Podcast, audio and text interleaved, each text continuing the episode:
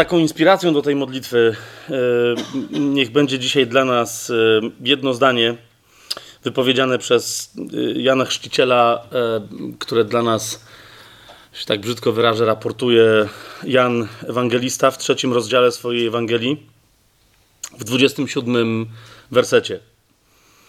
Jan tam, chrzciciel, powiada: Człowiek nie może otrzymać niczego, jeżeli mu nie będzie dane z nieba. Człowiek nie może otrzymać niczego, jeżeli mu nie będzie dane z nieba.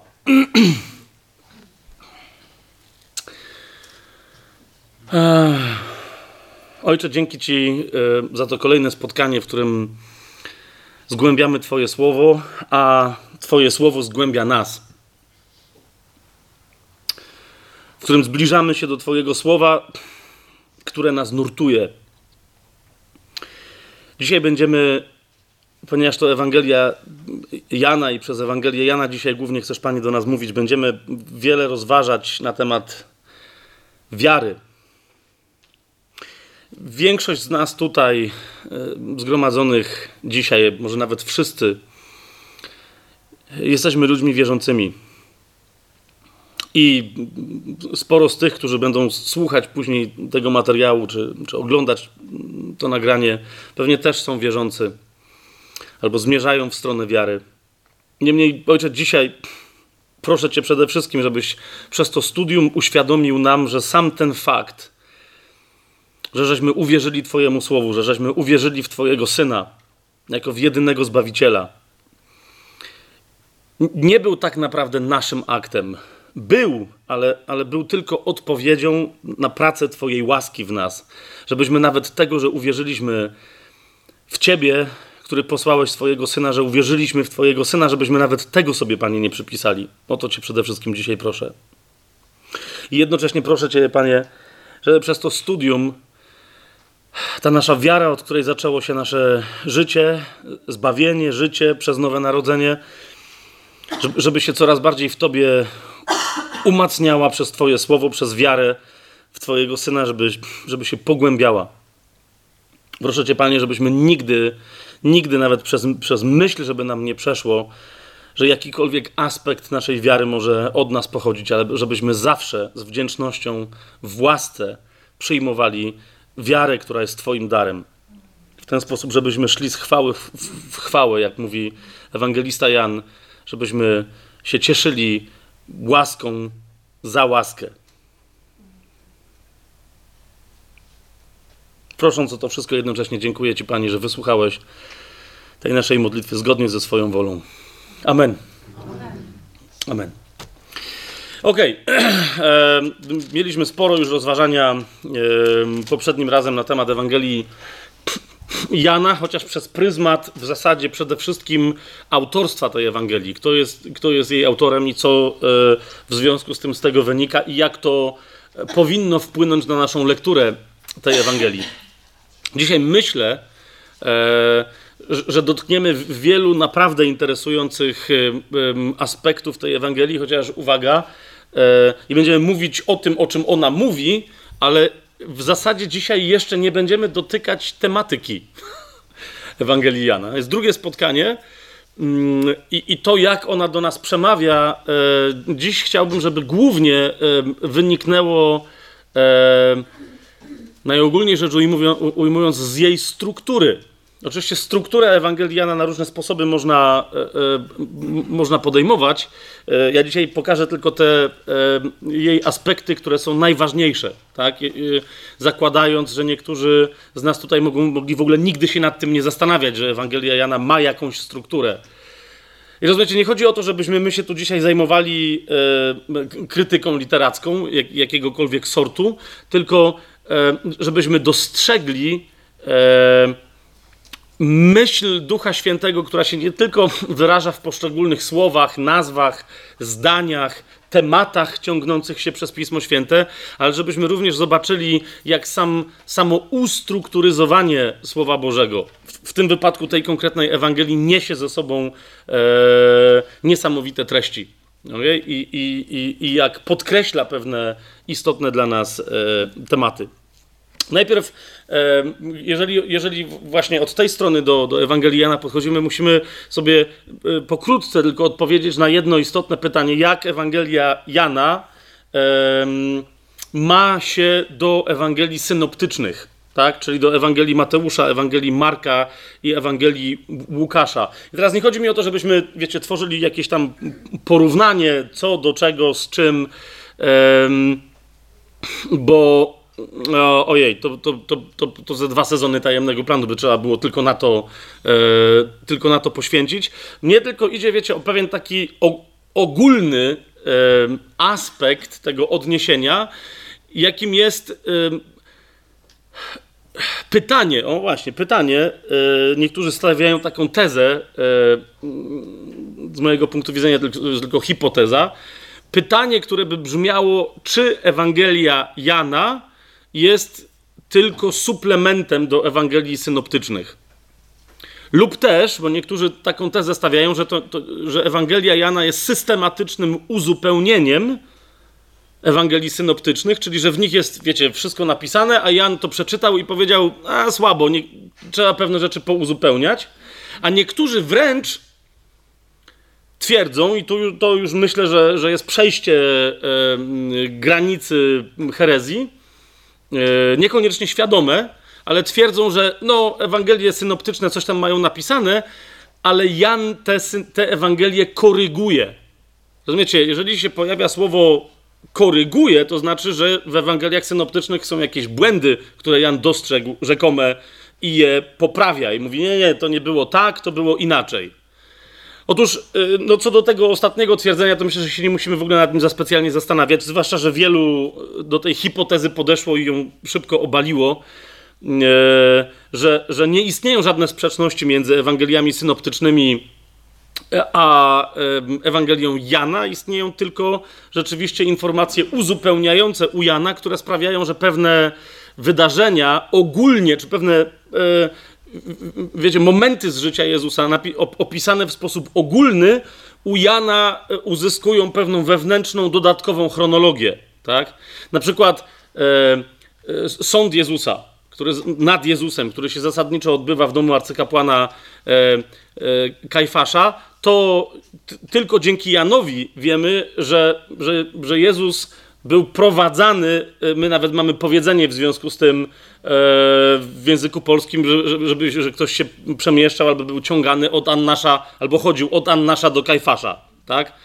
E, I my o tym wiemy, że nie tylko u Kajfasza się, się te sceny rozgrywały, tylko właśnie z różnych powodów różni ludzie, także Herod i tak dalej, chcieli Jezusa zobaczyć, niekoniecznie przesłuchać, niekoniecznie się wcale czegoś tam od niego e, dowiedzieć i tak dalej. Więc, e, więc to, nie rozważamy w ogóle kwestii, czy, czy Jan koryguje e, Ewangelie synoptyczne, bo ich nie koryguje, w sensie nie poprawia błędów, tak? Ale rzeczywiście z wielu informacji zawartych w Ewangelii Jana możemy skorygować, uwaga, swoje błędne rozumienie pewnych informacji zawartych w Ewangeliach synoptycznych. Tak? Dzisiaj jeszcze przykład tego rodzaju yy, podam, ale znajdziecie ich znacznie więcej. Tak? Czytając, wiecie, coś, na czym ewangelista Mateusz, Marek czy Łukasz niespecjalnie się koncentrował, tylko po prostu jednym zdaniem opisał tam jakąś historię, my często, wiecie, wywnioskowujemy sobie, że się tak nędznie wyrażę, wywnioskowujemy e, sobie rzeczy, których wcale w Ewangeliach synoptycznych nie ma. I, i tak pewnie to się też działo za czasów e, Jana pod koniec I wieku, że już chrześcijanie wtedy sobie coś tam downioskowywali i dlatego Ewangelia Jana przychodzi z odpowiedziami na te wnioski, które w sposób nieuprawniony niektórzy mogliby wyciągać z Ewangelii synoptycznych. Więc tu nie ma żadnej korekcji. Natomiast, kochani, na pytanie, czy Ewangelia Jana jest napisana jako systematyczne, e, niekoniecznie systematyczne, ale czy jest pomyślana w ogóle jako uzupełnienie Ewangelii synoptycznych, myślę, że nie będę się dzisiaj na ten temat rozwodził. Wielu całe, wiecie, e, doktoraty i habilitacje i inne dzieła naukowe na ten temat e, pisali i myślę, że dosyć skutecznie to udowodnili. E, ja tylko powiem, że nie. I, i, i pokrótce tylko pokażę e, e, w najoczywistszą podstawę tego odrzucenia koncepcji, że Ewangelia Jana została przez niego napisana jako e, pomyślana jako uzupełnienie do Ewangelii synoptycznych. Otóż, kochani,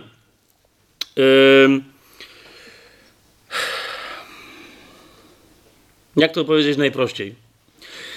Załóżmy, tak? Znamy już Ewangelię Mateusza, Ewangelię Marka i Ewangelię Łukasza.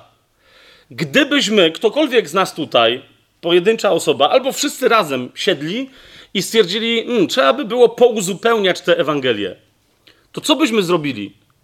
Odnieślibyśmy się prawdopodobnie do chronologii z Łukasza, sprawdzili, co chronologicznie Łukasz opisuje i jak to uzupełnić, czy jak to już jest uzupełnione, wypełnione przez Mateusza i Marka, zgadza się? A potem powiedzieli, zapytalibyśmy, ok, gdzie są luki, albo gdzie są rzeczy, które nas bardziej szczegółowo interesują.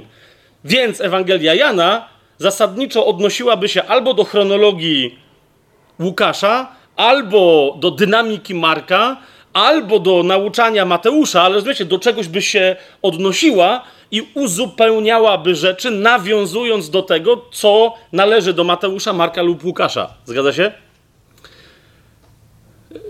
Pytam, zgadza się i wszyscy patrzą, o, o, co chodziło w tej wypowiedzi. Jeszcze raz, to jest istotne, czy ty rozumiecie, co ja teraz powiedziałem, tak? Jeżeli coś uzupełniam, to się do czegoś odnoszę, tak? A więc mówię, ten napisał coś, a ja uzupełniam to oto, oto, oto i jeszcze oto. Tamten napisał coś, a ja to uzupełniam oto, oto, oto i, i tak dalej. Otóż, kochani, e, początek Ewangelii Jana w sposób, powiedziałbym, stosunkowo luźny, e, ale zasadniczo e, po, powiela, odnosi się, ale zasadniczo powiela e, postać i opowieść o chrzcie Jezusa, postać Jana Chrzciciela i opowieść e, o chrzcie Jezusa, tak? To jest jedna rzecz, ale tu specjalnie, zauważcie, e, z wyjątkiem podania paru drobnych szczegółów, na przykład faktu, że tą gołębi, Ducha Świętego, który pod postacią jakby gołębicy zstępował na Jezusa, że to Jan go widział, a nie, y, wiecie, że, y, bo z, z, z, opowieści, opisów innych y, ewangelistów synoptycznych, niektórzy mogliby wywnioskować, że to było zjawisko widzialne dla wszystkich, tak? Jan sugeruje, Jan Ewangelista, że to tylko Jan Chrzciciel widział, tak? I że on o tym, na ten temat dał świadectwo. Ale zasadniczo e, Jan nie opisuje niczego innego, niż byśmy to znaleźli u pozostałych synoptyków, więc niczego nie uzupełnia. Jan mnóstwo uzupełnia, e, gdy chodzi o ostatni, powiedziałbym, tydzień, trochę może więcej, życia Jezusa, ale zwłaszcza e, wydarzenia ostatniej doby życia Jezusa tak? Ostatnią wieczerzę, sąd nad Jezusem, e, mękę i, tak dalej, i tak dalej. Ale zauważcie, że tam również Jezus tam, y, y, Jan tam również wybiera to, co Jezus zrobił, a niczego nie uzupełnia. Rozumiecie? Na przykład mm, podczas ostatniej wieczerzy Jan w ogóle nie, nie, odnosi się do tematu łamania e, chleba i dzielenia się kielichem Nowego Przymierza. W, w, w, w ogóle tam tego nie ma. I teraz sęk w tym, że jak niektórzy nauczanie Jezusa na temat jedzenia Jego ciała i picia Jego krwi z Ewangelii Jana mówią, że to jest uzupełnienie nauczania o ostatniej wieczerzy e, u pozostałych ewangelistów, to jest po prostu, to, to jest błąd, powiedziałbym, nawet metodologiczny. Tak? Istnieje to nauczanie w Ewangelii Jana, ale ono nie uzupełnia opowieści o ostatniej wieczerzy. Jeżeli by tak było, to by się znalazła chociaż wzmianka o łamaniu chleba podczas ostatniej wieczerzy i piciu kielicha, ok? I odniesienie do niej, a czegoś takiego nie ma. Nie, nie będę teraz tego tematu bardziej e, rozwi rozwijał. Jan opowiada o ostatnich chwilach życia Jezusa i to jest wspólne z pozostałymi mm, ewangelistami, ale, ale widać z całej struktury, koncepcji tego, co on robi, że niczego nie uzupełnia. Tak?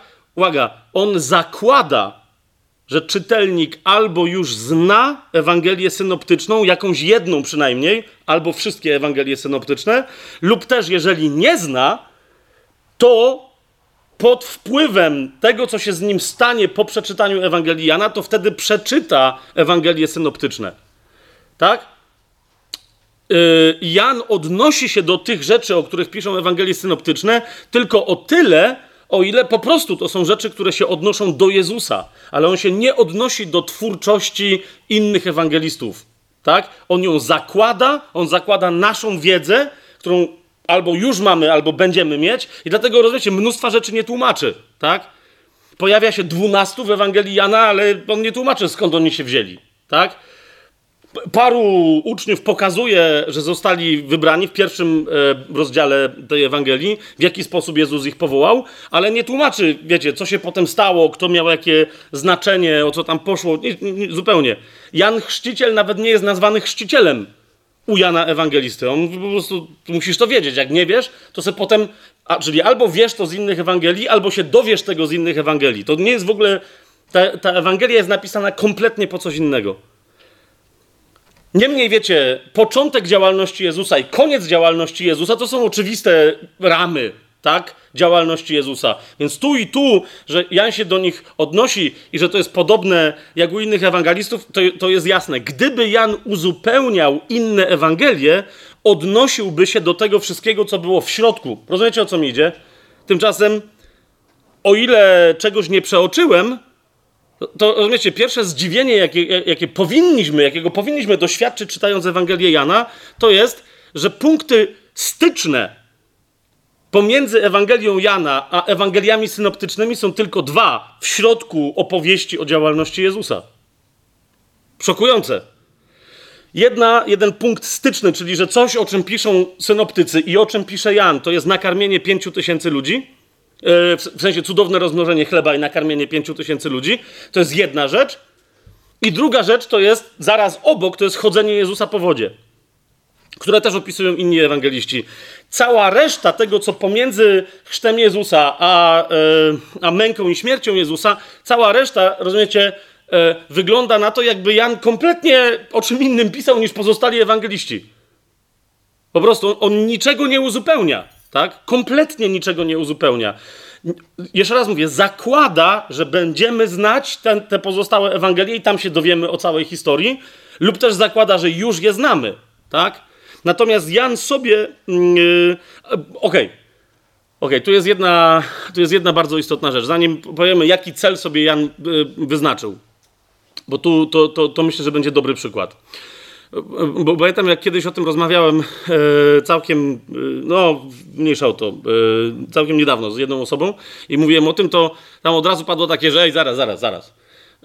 Jest jeszcze jedno wydarzenie, które Jan opisuje i dzięki niemu wiemy o nim więcej, mianowicie co? Samarytanka? no, Łazarz? Okej, okay. i to widzicie, i, i, i to, i, i oto dlaczego tak ważne jest czytanie uważne Ewangeliana. Otóż jednym takim wydarzeniem, które wygląda, jakby było tym samym albo tożsamym z, y, z wydarzeniami y, opisanymi przez Mateusza, Marka i Łukasza, jest wypędzenie przekupniów ze świątyni. Ok? I teraz wiecie, niektórzy. E, nawet wiecie, całe takie e, koncepcje teologiczne powstają, że to jest to samo wydarzenie. Jeżeli ktoś z Was ma na przykład warszawską, e, warszawskie tłumaczenie, ktoś ma? E, to jeżeli sobie otworzycie Ewangelię Mateusza, wypędzenie przekupniów ze świątyni to jest bodaj 21 rozdział, tak? W Ewangelii Mateusza. I, i, i w, w, zasadniczo w Warszawce jest tak, że tam e, są śród tytuły podane dla łatwości czytania i od razu, jeżeli gdzieś jakaś historia jest taka sama, to pod śród tytułem są też podane sigla z innych Ewangelii, gdzie to samo wydarzenie jest opisane. Ktoś ma Warszawkę? Jeszcze raz tutaj. Okej, okay, tak? To jest 21 rozdział. Yy, 12 i 13 werset. Jest? Okej, okay. I, yy, i teraz tytuł tam brzmi jak? Wypędzenie przekupników ze świątyni. Wypędzenie przekupników? Przekupniów. Przekupniów. Okej, potem bym się, zaskoczył. Okay, więc wypędzenie przekupniów ze świątyni. I pod spodem jest nawias. Jest? I co tam mówią? Że, że to samo wydarzenie jest opisane u, u Marka, u, Łukasza i u i u Jana. Prawda? A to nie jest prawda. A to nie jest prawda.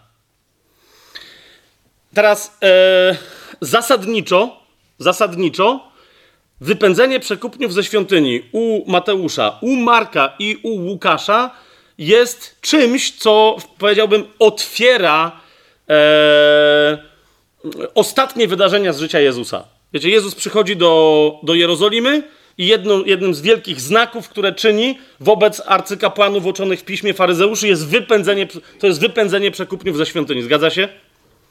I potem się dzieją inne rzeczy. Tam Jezus wjeżdża do Jerozolimy na osiołku. Tam jest, wiecie, wypędzenie tamtych przekupów. Te wszystkie rzeczy, one się wtedy, to, to są ostatnie dni życia Jezusa. Tymczasem zobaczcie w Ewangelii Jana, e, w drugim rozdziale, mamy dosyć poważną sugestię. To jest drugi rozdział. E, zobaczcie, zaraz po e, przemienieniu wody w wino w Kanie Galilejskiej, to jest drugi rozdział Ewangelii Jana, jedenasty werset, mamy napisane Taki początek cudów uczynił Jezus w Kanie Galilejskiej i objawił swoją chwałę i uwierzyli w Niego Jego uczniowie. Czyli mamy pierwszy cud, przemiana wody w wino. Zgadza się? Yy, potem on, jego matka, jego bracia i jego uczniowie poszli do Kafarnaum i mieszkali tam kilka dni. I zauważcie, trzynasty werset. A ponieważ zbliżała się Pascha Żydowska, Jezus poszedł do Jerozolimy i dalej czytamy i zastał w świątyni sprzedających woły, owce i gołębie oraz tych, którzy siedzieli i wymieniali pieniądze, a zrobiwszy bicz z powrosków, wypędził wszystkich ze świątyni, także owce i woły rozsypał pieniądze wymieniających i poprzewracał stoły. Krótko mówiąc, Jan mówi, że wypędzenie przekupniów ze świątyni, to które on opisuje, miało miejsce na początku jego działalności. I teraz widzicie, to jest jedno z tych miejsc, do, do, których się niektórzy odwołują i mówią, no więc właśnie. Mateusz, Marek i Łukasz mówią, że to było na końcu działalności Jezusa, a Jan ich skorygował i powiedział nie na końcu, tylko na początku. Patrzycie na mnie i mówicie, no, czyli co? Kochani, zwróćcie uwagę na jedną rzecz. Zwróćcie uwagę na jedną rzecz. Zwróćcie uwagę na jedną rzecz. Hmm? E, otwórzmy sobie jeszcze raz e, Ewangelię Mateusza, ale chciałbym, e, chciałbym, żebyście otworzyli na 26 rozdziale.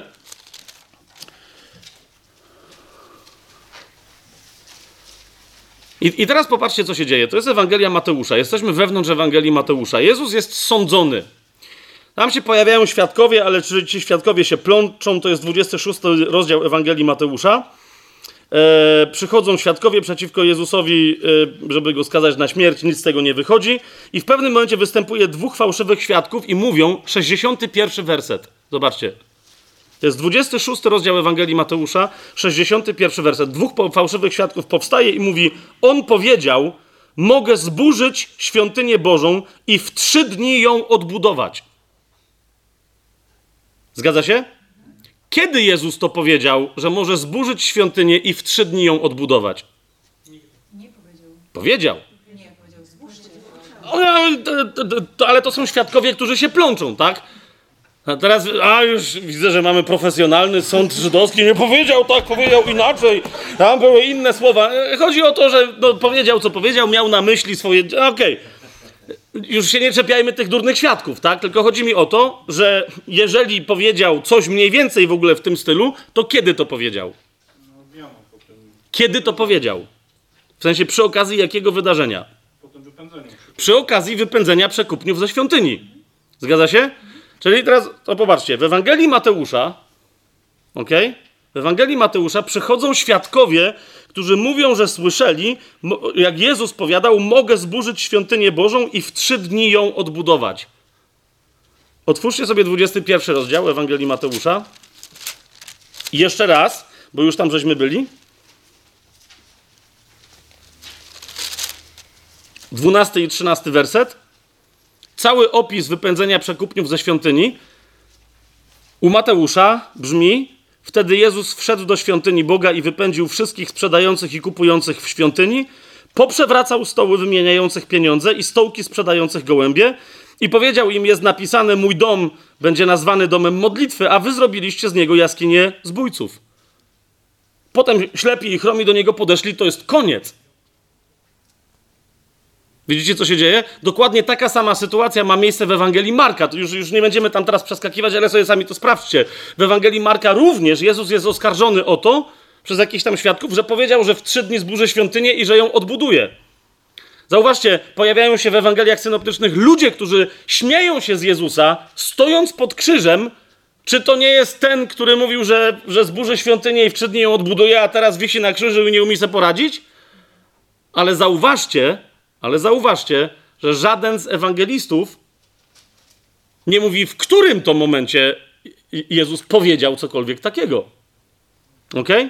Mimo, gdyby, rozumiecie, gdyby Jezus powiedział to, co powiedział podczas wypędzenia przekupniów ze świątyni pod koniec swojego życia, to niechybnie Mateusz czy Marek by przecież to zacytowali, prawda?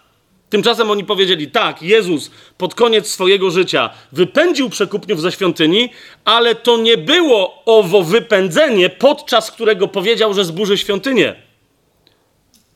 Ok? Słowem, słowem wynika z tego, o czym mówi nam Jan, że Jezus wypędził przekupniów przynajmniej dwa razy w swoim życiu ze świątyni. Raz na początku swojej działalności. okej? I podczas tego pierwszego wypędzenia, do którego potem ci fałszywi świadkowie u Mateusza i u Marka się odwołują, podczas tego pierwszego wypędzenia, zobaczcie Ewangelię Jana, i tylko podczas tego pierwszego wypędzenia e, Jezus powiedział to, co powiedział. Ok? Zobaczcie, to jest, to jest jeszcze raz drugi rozdział.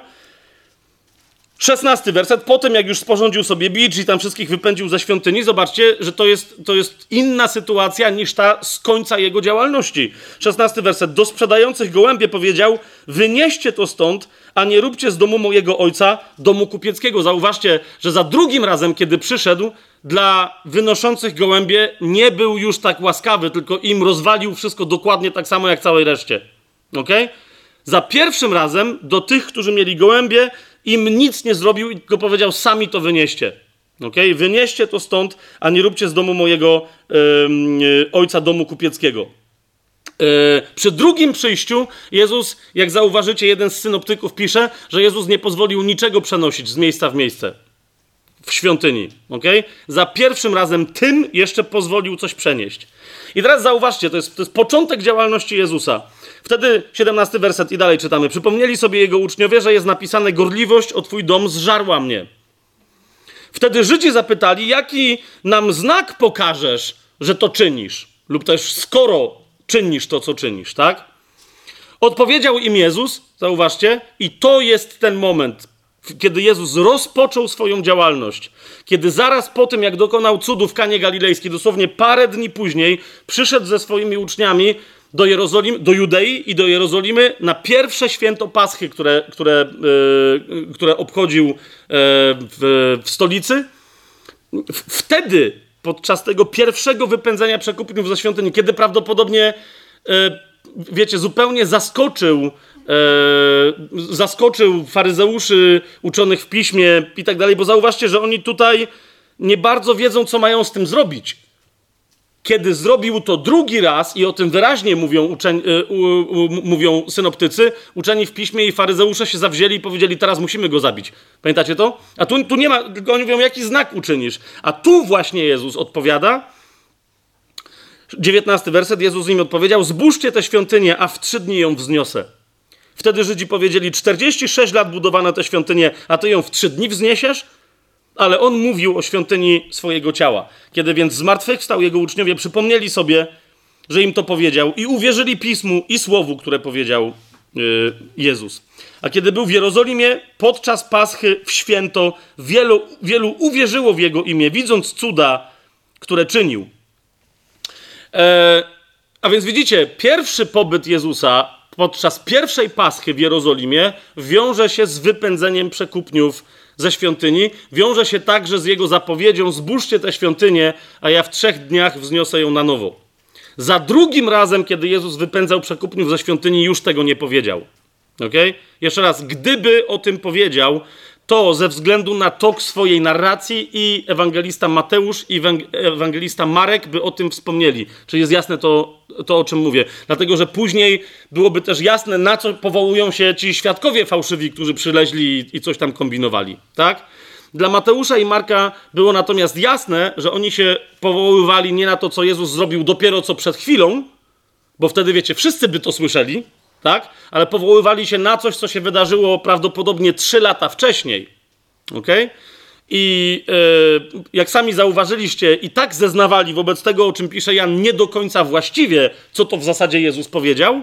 Dlatego tak czy siak ich świadectwo było fałszywe i sprzeczne, i dlatego mm, Mateusz i Marek przedstawiają ich jako nędznych świadków, tak? Czegoś, co miało miejsce, ale czego ani Mateusz, ani Marek nie opisali, dlatego że ani Mateusz, ani Marek nie opisali pierwszego wypędzenia przekupniów ze świątyni. Jest to, jest to teraz w miarę, w miarę jasne, o czym mówimy? Więc jeszcze raz, to wydarzenie, mimo że wygląda bardzo podobnie, nie jest tym samym wydarzeniem. I na to zawsze, e, zawsze musimy zwracać uwagę, tak?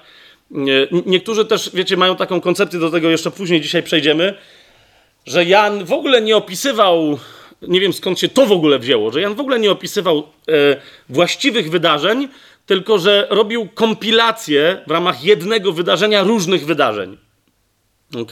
Czyli na przykład, skoro u Jana cud z rozmnożeniem chleba jest opisany tylko raz, a my z innych Ewangelii wiemy, że przynajmniej dwukrotnie taki cud się zdarzył w dwóch różnych okolicznościach, to że to oznacza, że Jan robi kompilację i że obydwa te, te, te wydarzenia Jan opisał w jednym. Jeszcze raz, to jest nieprawda. Za każdym razem Jan, kiedy opisuje dane wydarzenie, nie, nie robi jakiegoś uniwersalnego przekazu, tylko opisuje jedno konkretne wydarzenie, dlatego jak nikt inny podaje masę niezwykle istotnych szczegółów. Tak?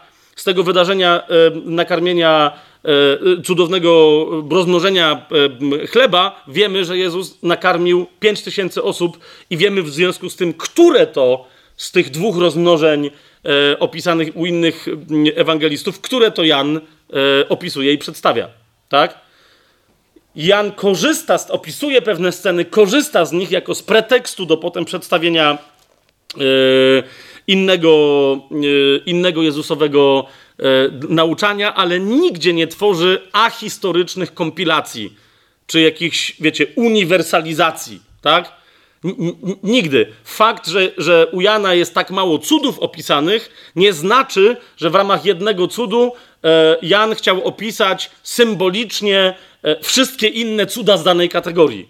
Tak nie jest. Po prostu Jan z jakiegoś sobie znanego powodu pod mocą Ducha Świętego wybiera jeden konkretny cud i okoliczności tego cudu opisuje, a nie mówi, ze wszystkich ślepych, których Jezus uzdrowił, to uzdrowienie ślepego jest najbardziej charakterystyczne. Nie ma czegoś takiego, nie ma czegoś takiego u Jana.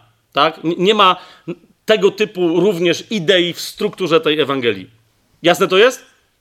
Wybaczcie ten nieco przydługi wstęp do, e, do, do tych odniesień, ale to jest ważne, e, żeby zrozumieć e, istotę E, Ewangelii Jana i cel, dla którego została ta Ewangelia e, napisana. dzisiaj musimy, musimy się temu celowi jeszcze raz głębiej niż kiedykolwiek wcześniej przyjrzeć. Ja już, ja już e, troszkę o Ewangelii Jana mówiłem w czwartym sezonie, między innymi jak, wiecie, odpowiadaliśmy sobie na pytanie, którą księgę najlepiej polecić komuś, kto jest niewierzący, kto, kto potrzebuje uwierzyć i tak dalej. To było oczywiste, że Ewangelię Jana. Ale dzisiaj chciałbym, żebyśmy się przyjrzeli Mm, e, celowi tej Ewangelii, jak on, się, jak on jest, wiecie, realizowany przez Ducha Świętego w całej tej Ewangelii pełniej. Otóż tak sobie raz, dwa, trzy, cztery, pięć. Rozpisałem sobie pięć e, istotnych dla nas przy czytaniu tej Ewangelii aspektów celu jej napisania i tego, jak ten cel jest realizowany. Czyli gdybyśmy się mieli zapytać, po co została napisana Ewangelia Jana, to jeszcze raz, nie dlatego, że czegoś brakowało Ewangeliom synoptycznym. Po prostu Jan pod natchnieniem Ducha Świętego pisze swoją Ewangelię. Po pierwsze, przede wszystkim i nade wszystko, żeby wzbudzić wiarę lub i umocnić wiarę tych, którzy już uwierzyli. Okay? A więc w centrum Ewangelii Jana jest wiara. Najpierw wiara jako coś, dzięki czemu rodzisz się na nowo i otrzymujesz życie wieczne, później wiara jako coś, dzięki czemu to życie, które otrzymałaś czy otrzymałeś, może stać się życiem owocnym. Okay? Niezwykle istotna rzecz. E, ta Ewangelia nie jest napisana tylko, bo właśnie jak żeśmy kiedyś o tym mówili w tym aspekcie ewangelizacyjnym, ta Ewangelia nie jest napisana tylko po to, żeby wzbudzić wiarę w tym, kto, kto czyta tę Ewangelię, ale również, żeby umocnić, ugruntować, pogłębić wiarę tego, który już uwierzył w stronę takiego życia, które zacznie przynosić owoce i to owoce, które będą trwać. Tak? Jezus właśnie w tej Ewangelii mówi: Nie wyście mnie wybrali, ale ja was wybrałem. Żebyście szli. Zauważcie, nie żebyście leżeli jak niemowlęta na ziemi, żebyście szli, żebyście przynosili owoc i żeby owoc, który przynosicie, żeby trwał, żeby był trwały. Tak? A więc celem tej Ewangelii jest albo wzbudzić wiarę, albo też u tych, u których ona już została wzbudzona, umocnić wiarę. Po drugie, poprzez moc świadectwa osobistego, a więc także wzbudzić wiarę, umocnić wiarę u innych świadków, tak żeby ich świadectwo było takim, które wzbudza wiarę. Bo wiecie, my dzisiaj mamy w kościele, mieliśmy przez wieki w ciele Chrystusa świadków różnych rzeczy. Tak? I, i, i dziś, jak, troszeczkę, jak słyszę y, twierdzenia, dzisiaj nie potrzeba w kościele nauczycieli, dzisiaj potrzeba świadków, to zgadzam się, że, że czasem jest za dużo nauczycieli, a za mało świadków. Tylko potem jest pytanie, czego świadków potrzebujemy, albo kogo świadków, którzy będą świadczyć o czym. Więc ta Ewangelia jest napisana, żeby wzbudzić i umocnić wiarę poprzez świadectwo osobiste. Uwaga, yy, trzecia rzecz, którego mocą tego świadectwa osobistego i gwarantem jest Duch Święty. Kolejna bardzo istotna rzecz w tej Ewangelii, która podkreśla, że my nie mamy produkować owoców sami z siebie, ale że owoce, które mamy przynosić, wiara innych poprzez nasze świadectwo i, i, i cała reszta owocu ma wynikać z naszej współpracy z Duchem Świętym, a nie z naszego samozaparcia. Tak? No, Bronecie, owoce różne w swoim życiu przynosili na przykład e, zaraz po rewolucji październikowej e, w Rosji oficerowie polityczni, którzy byli oddani partii komunistycznej z całego serca. Tak? Partia komunistyczna miała swoich ewangelistów, którzy nieśli dobrą nowinę o, o zwycięstwie klasy robotniczej nad wszystkimi innymi i leźli przez całą byłą e, e, Rosję carską i, wiecie, głosili swoją ideologię. Sęk tylko w tym, że oni bazowali tylko i wyłącznie na swojej wierze w Lenina, potem w Stalina, ale najpierw w Lenina, w dzieło klasy robotniczej, w Marksa, Engelsa, wiecie, to i na bazie tej wiary produkowali swój owoc. Na bazie wiary w przyjętą ideologię produkowali owoc swojej mm, ambicji, swojej mm, aktywności, gorliwości ludzkiej itd., itd., itd. I teraz sęk w tym, że my jako chrześcijanie niestety bardzo często, jak się nawołujemy do przynoszenia owocu i do nieleniuchowania, a sam się nad tym często przyłapuję, że my, się, że my nawołując do, do, tego jednocześnie nie dość nawołujemy do tego, żeby ta praca była współpracą z łaską, żeby ta praca była poddaniem się Duchowi Świętemu, a nie wymyślaniem swoich aktywności i narzucaniem sobie intensywności swoich aktywności na bazie swoich wyobrażeń o tym, co znaczy gorliwość. Czy jest jasne to, co, to, to co mówię? A zatem wzbudzić i umocnić wiarę, poprzez świadectwo osobiste, którego mocą i gwarantem jest Duch Święty, ale uwaga, jeszcze raz, przy tej okazji równocześnie to jest rzecz, nie wiem, no właśnie, jak się na tym skoncentrujemy, to możemy drugie przeoczyć, ale równocześnie ta Ewangelia pod tym względem, wiecie, ona od początku jest czarno-biała. Powiedziałbym wręcz e, świetlisto-mroczna. Bo ta Ewangelia nie pozostawia żadnych wątpliwości. Ona mówi: Jestem dobrą nowiną. To jest dobra nowina. Ale konsekwencją przyjęcia dobrej nowiny, jeżeli wiesz, co będzie, to jednocześnie zrozum, jakie będą konsekwencje nieprzyjęcia dobrej nowiny, a one będą potworne. Jak wspaniałe będzie przyjęcie tej dobrej nowiny, nie jest równoważone z drugiej strony, a, ale po, posiada swój jakiś tam kontrast, który jest przerażający. Równie, rozumiecie, prawie że zaraz w tym samym momencie, w zasadzie w tym samym momencie w tej Ewangelii, w którym jest powiedziane, jest światłość, jest życie, jest dobra nowina, że możesz mieć to życie i to światło, i to światło. Zaraz jednocześnie jest powiedziane, ale możesz go nie przyjąć i to się bardzo źle skończy. W odwrotności życia, czyli w wiecznej śmierci i w odwrotności światła, którą będzie aktywna ciemność. Ta Ewangelia mówi wyraźnie, że śmierć wieczna nie jest tylko brakiem życia. I jak będziesz czytać tę Ewangelię, niektórzy czytają, czytają, czytają, napawają się tylko tą świetlistą stroną tej Ewangelii. Ale, ale zauważ drugi bardzo dzisiaj mało w kościele głoszony temat. Że, że w, w tym życiu, które my tutaj mamy, śmierć oznacza, że ktoś przestał żyć biologicznie. I to jest tyle, tak? Ktoś, coś, zwierzę, roślina, człowiek funkcjonował biologicznie i przestał funkcjonować biologicznie. To jest tyle. Śmierć jest brakiem życia. Ok? Jeżeli wyłączymy e, światło, no to będzie ciemność, chyba że gdzieś skąd inąd dotrze do nas światło. Ciemność jest brakiem światła. Natomiast ta Ewangelia mówi wyraźnie, nie, nie, ale w wieczności rzeczy się mają nieco inaczej. Ok?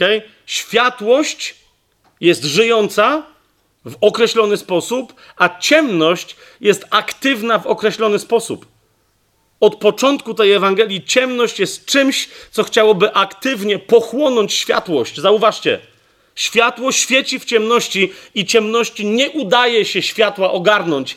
Tak brzmi jedno z pierwszych zdań tej Ewangelii. Ok?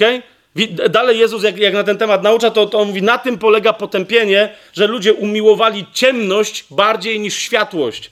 On mówi, o tym, że ciemność jest czymś, co można perwersyjnie ukochać i reprezentować to coś.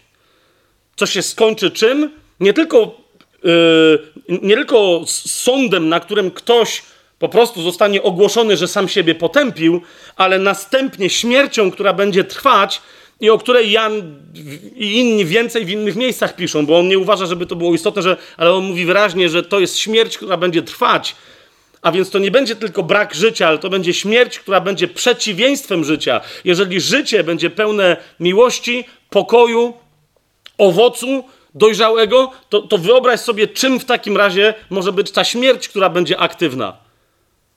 Ok? Chodzeniem albo trwaniem, chodzeniem po omacku, trwaniem w ciemności, w, którym, w, której, w której nic nie, widza, nie widać, a, ale też doświadczaniem postępującej zgnilizny, która nigdy się nie skończy. Wszystko to, co się wiąże ze śmiercią, ma być według e, wyraźnych wielu sugestii w tej, w tej Ewangelii, ma być doświadczane. Hmm? Więc, e, więc e, i dopiero wtedy, wiecie, w tym kontekście widać pełną moc Ewangelii, kiedy też dobrej nowiny, kiedy usłyszymy też, że istnieje zła nowina. Przyjrzyjmy się temu bliżej. E, pierwszy aspekt, wzbudzić i umocnić wiarę. Skąd, wiemy, że, że to jest to celem tej Ewangelii? Otwórzmy sobie najpierw mm, e, tę Ewangelię na 20 rozdziale. W 30 i 31 wersecie wielokrotnie o tym, e, o, o tym czytaliśmy, ale teraz chcę jeszcze, wiecie, głębiej na to zwrócić uwagę. Otóż w, na końcu tego 20 rozdziału, 30-31 werset, Jan pisze i wiele innych cudów, uczynił Jezus na oczach swoich uczniów, które nie są napisane w tej księdze. Lecz te są napisane, widzicie, i tu, i tu macie decyzję Jana, tak? Bo mówi: Ja nie wybierałem najbardziej charakterystycznych cudów czy znaków. Wybierałem te, które najlepiej było opisać. Po co? Te są napisane, 31 werset, abyście wierzyli, że Jezus jest Chrystusem, Synem Bożym. To jest pierwsze, tak? Abyście wierzyli, że Jezus jest Chrystusem, Synem Bożym. To jest pierwsze, żebyście uwierzyli. I teraz drugie, i abyście wierząc, a więc abyście uwierzyli i dalej, żebyście żyli tą wiarą i abyście wierząc mieli życie w Jego imieniu. Ok? Nie tylko mieli, zauważcie, nie tylko mieli zapewnione życie, ale mieli życie. I to, to jeszcze, jeszcze raz, mieć życie oznacza aktywnie korzystać z, z, życia tu w języku greckim, tak? Mieć życie znaczy tak funkcjonować, że ktoś z boku patrząc na ciebie będzie wiedzieć, że ty to masz, tak? Rozumiesz, jak ktoś patrzy na, w świecie, tak? Jak ktoś patrzy na kogoś i, i mówi, dopiero co widziałem chłopa, jeździł, wiesz, jakimś starym Fordzikiem, teraz patrzę, ma Bentleya, patrzę na Facebooku, dopiero co wrócił, był na Hawajach, rozumiesz? Otworzył czwartą firmę, okej, zmienił se żonę, rozumiecie? I ktoś na koniec mówi, ten to ma życie. Rozumiesz, o co mi chodzi?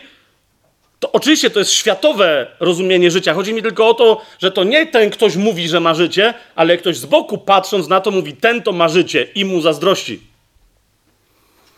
Zobaczcie, jak dzisiaj, jak wielu chrześcijan wmawia sobie, że mogą się czuć zupełnie swobodnie, radośnie, kompletnie wypoczęci i leniwi w związku z tym, bo mają życie. To jest, wiecie, to jest skutek tej zupełnie dziwacznej dyskusji na temat pewności lub niepewności zbawienia, tak?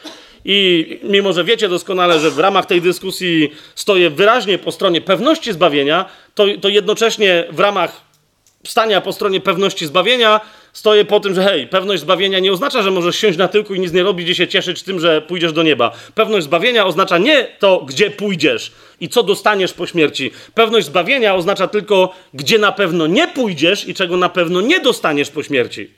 Pewność zbawienia oznacza, że nie pójdziesz do piekła, a nie oznacza, rozumiesz, że e, kim będziesz, jakiego rodzaju nagrody dostaniesz w zmartwychwstaniu, które cię zaprowadzi na, na nową ziemię pod nowym niebem. Hmm? To, jest zupełnie inna historia.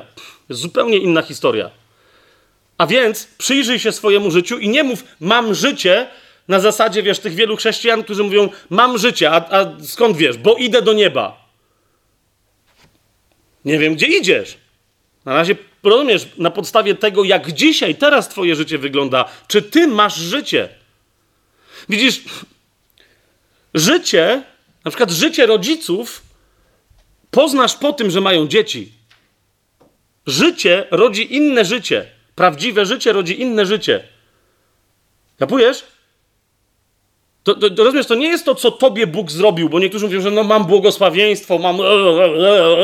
Rozumiesz, i cały czas jest opowieść, co ja mam, co ja dostałem, kim ja jestem w Chrystusie, co to dla mnie oznacza. Mm, mm, mm. I pławienie się cały czas, ja, ja, ja, ja, ja. Owoc jest na zewnątrz ciebie. Tak? Każda roślina, jak przynosi owoc, to, to, to z, natury oznacza, że ten owoc nie jest czymś dla tej rośliny, ale idzie na zewnątrz. Tak? Jak wyrośnie zboże i ma kłos, to, w, to owocem e, w tym kłosie są co? Są ziarna. Tak? I one opuszczą tą roślinę, w której wyrosły. Jak rośnie jabłoń, grusza, śliwa, jak tam wyrastają, e, no właśnie, jabłka, gruszki i śliwki, to one, no, my, my myślimy o nich jako o owocach, które są smaczne, ale rozumiecie, w środku są nasiona, które co mają zrobić? Odpaść i spowodować wyrośnięcie kolejnych jabłoni, grusz, śliw i innych czereśni. Zgadza się? Więc jeżeli chcesz wiedzieć, czy masz życie, przyjrzyj się, jakiego rodzaju, ży, inaczej, jakiego rodzaju, jak się wyraża twoje życie w życiu innym niż twoje. Jeżeli mówisz, że masz życie duchowe i masz życie od Boga, to pomyśl sobie, kto dzięki Tobie narodził się na nowo, dzięki Twojemu świadectwu, dzięki Twojej miłości, dzięki Twojemu głoszeniu. Rozumiesz, kto? Ile to było osób ostatnio? I teraz niektórzy mówią, okej, czyli zaścia lecisz na ulicę i głosić. Nie! Rozumiecie, bywało, że ja głosiłem wielokrotnie w swoim życiu na ulicy. I w ciągu ostatnich dwóch lat parokrotnie tak było, że rzeczywiście głosiłem na ulicy. Eee, ale nikt tam się nie nawrócił. W każdym razie nie, żebym o tym wiedział. Zwłaszcza, że no, to ostatnie głoszenie, to ile wtedy macie było? Minus 18, tak? w, w Białymstoku, na kościele ulicznym, tak? Ale tam daliśmy, daliśmy bidokom, co tam przyszli, parę dziesiąt y, bezdomnych osób. Przynajmniej przyszło. Daliśmy im zupy do jedzenia. E, moje rękawiczki skoń, skończyły w formie lodów grzybowych, em, bo to była grzybowa. Jaka? A grochowa, to były lody grochowe, wybaczcie.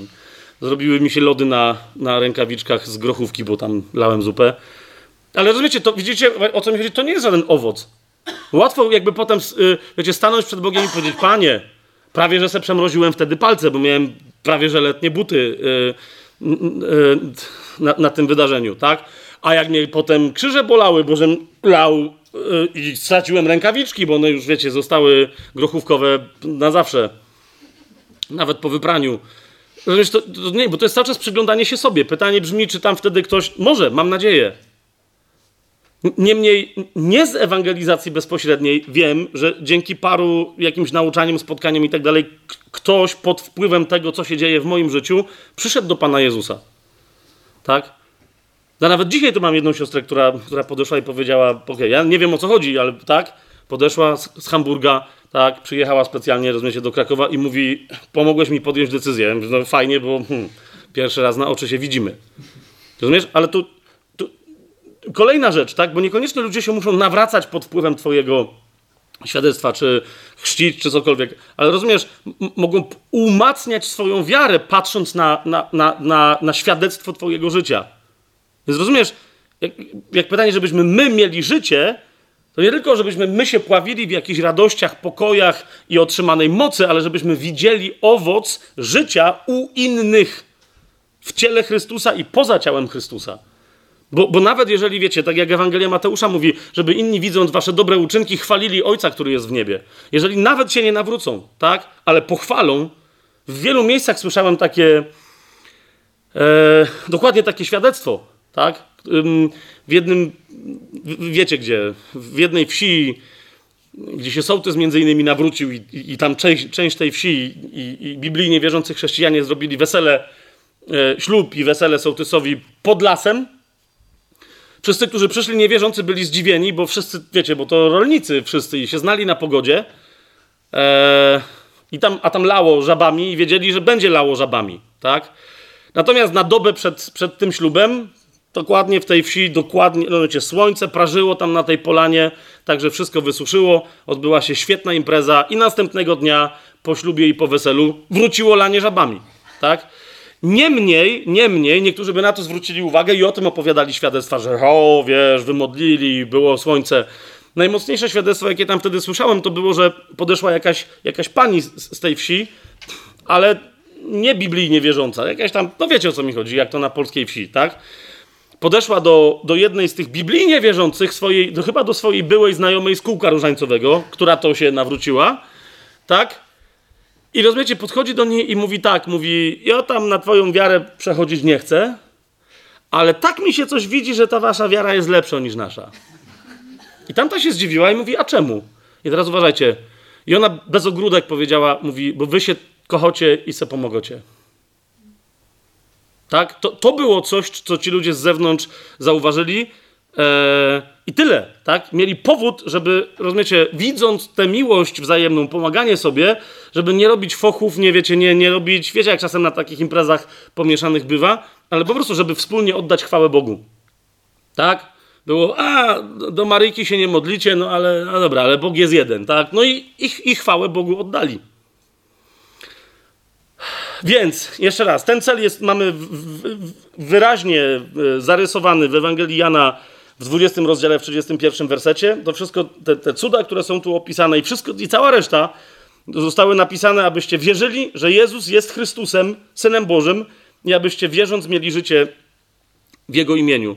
E, dlaczego Jan nie posługuje się w tym zdaniu sformułowaniem, żebyście wierzyli, że Jezus jest Panem, ale dlaczego wystarczy mu napisać, że Jezus jest Chrystusem, Synem Bożym i abyście w ten sposób wierząc mieli życie w Jego imieniu, to wyjaśniam w czwartym sezonie, nie pamiętam w którym odcinku, ale gdzieś tam to wyjaśniam dosyć yy, obszernie, tak? E, Wyznanie Jezusa jako Syna Bożego, rozumiejąc dokładnie, że dzieło Jezusa, że jest to Bóg wcielony, rozumiejąc co to znaczy, że Jezus jest Chrystusem, że jest Mesjaszem, który nie tylko przychodzi jako król Izraela, ale staje się jako król Izraela królem wszechświata, zrozumienie tego i wyznanie tego jest równoznaczne z wyznaniem, że Jezus jest Panem. Wiele osób wyznaje ustami, że Jezus jest Panem i wcale nie wiedzą, co to oznacza. Okay? Zrozumienie, co oznacza, że, że wyznajesz kogoś jako swojego Chrystusa. Ty jesteś Chrystusem dla mnie, ja Ciebie rozpoznaję jako Chrystusa, Ciebie rozpoznaję jako pierwszego, jedynego, jednorodzonego Syna Bożego. Jest wyznaniem, chcę pełnić Twoją wolę. Ile osób ma na ustach Jezus jest Panem, a pełnią dalej swoją wolę?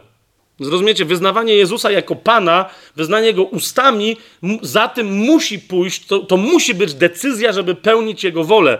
Która jest wolą Ojca, tylko którą Jezus przez swojego ducha w nas wyraża, którą nam objawia. Okej?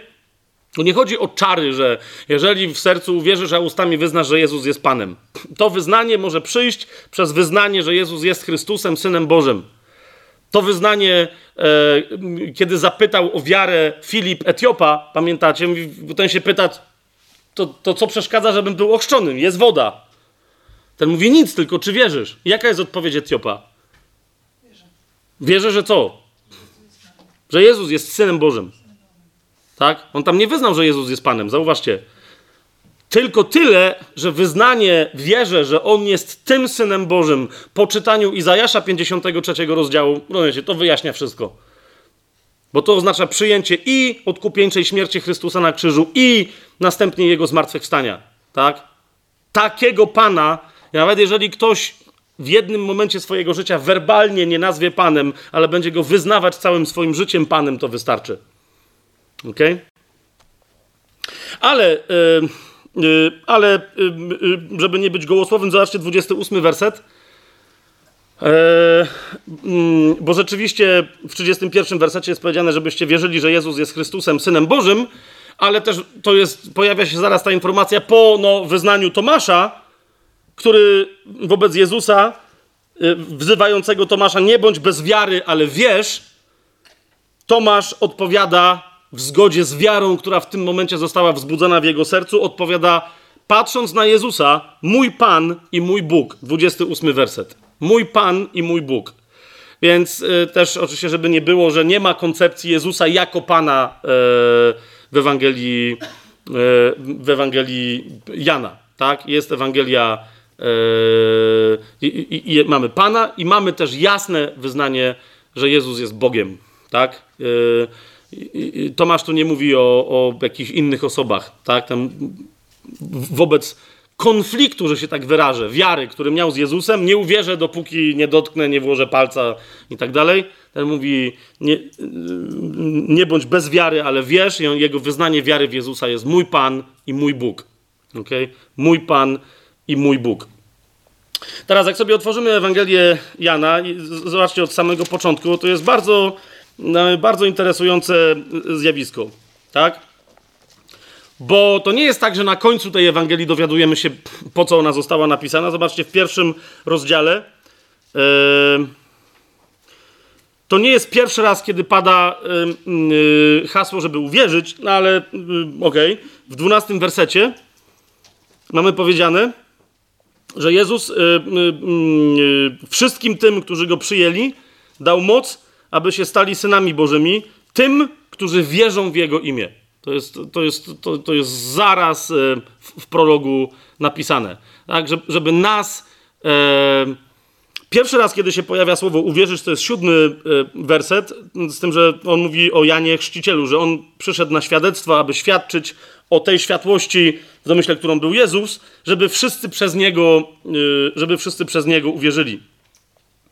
E, ale, ale właściwa informacja, coś, co ma mnie czy ciebie jako czytelnika w tej Ewangelii zaintrygować, to jest, że Jezus dał moc stać się synami Bożymi wszystkim, którzy wierzą w Jego imię. Okay? I, I, cała ta Ewangelia pokazuje, jak to się dzieje. Jezus opowiada, jak, w jakiej dynamice e, możesz się stać synem Bożym, tak jak On jest jednorodzonym i pierworodnym. Okay? ale y, pierworodnym wobec nas, jak, jak, jako, jako wtórnych, tak? E, ale, ale ostatecznie, nawet jeżeli ktoś w ciągu całej tej Ewangelii się nie kapnie, że chodzi o to, żeby on też uwierzył, to na końcu jest jeszcze raz powiedziane, wszystko to zostało dla ciebie napisane, y, żebyś wierzył, czy żebyś wierzyła. Zobaczcie, w drugim y, rozdziale, w jedenastym wersecie mamy napisane, że Jezus cuda, które czynił, Jego cuda? Okay? E, mm, były okolone różnego rodzaju nauczaniem, ale same w sobie miały moc wzbudzania wiary. Opowiadanie o cudach Jezusa. Uwaga, opowiadanie o cudach Jezusa, a nie nasze cuda, ale opowiadanie o Jego cudach. Lub też prezentacja Jego cudów, a nie naszych. Dzisiaj. Okay, jest czymś, co może obudzić wiarę.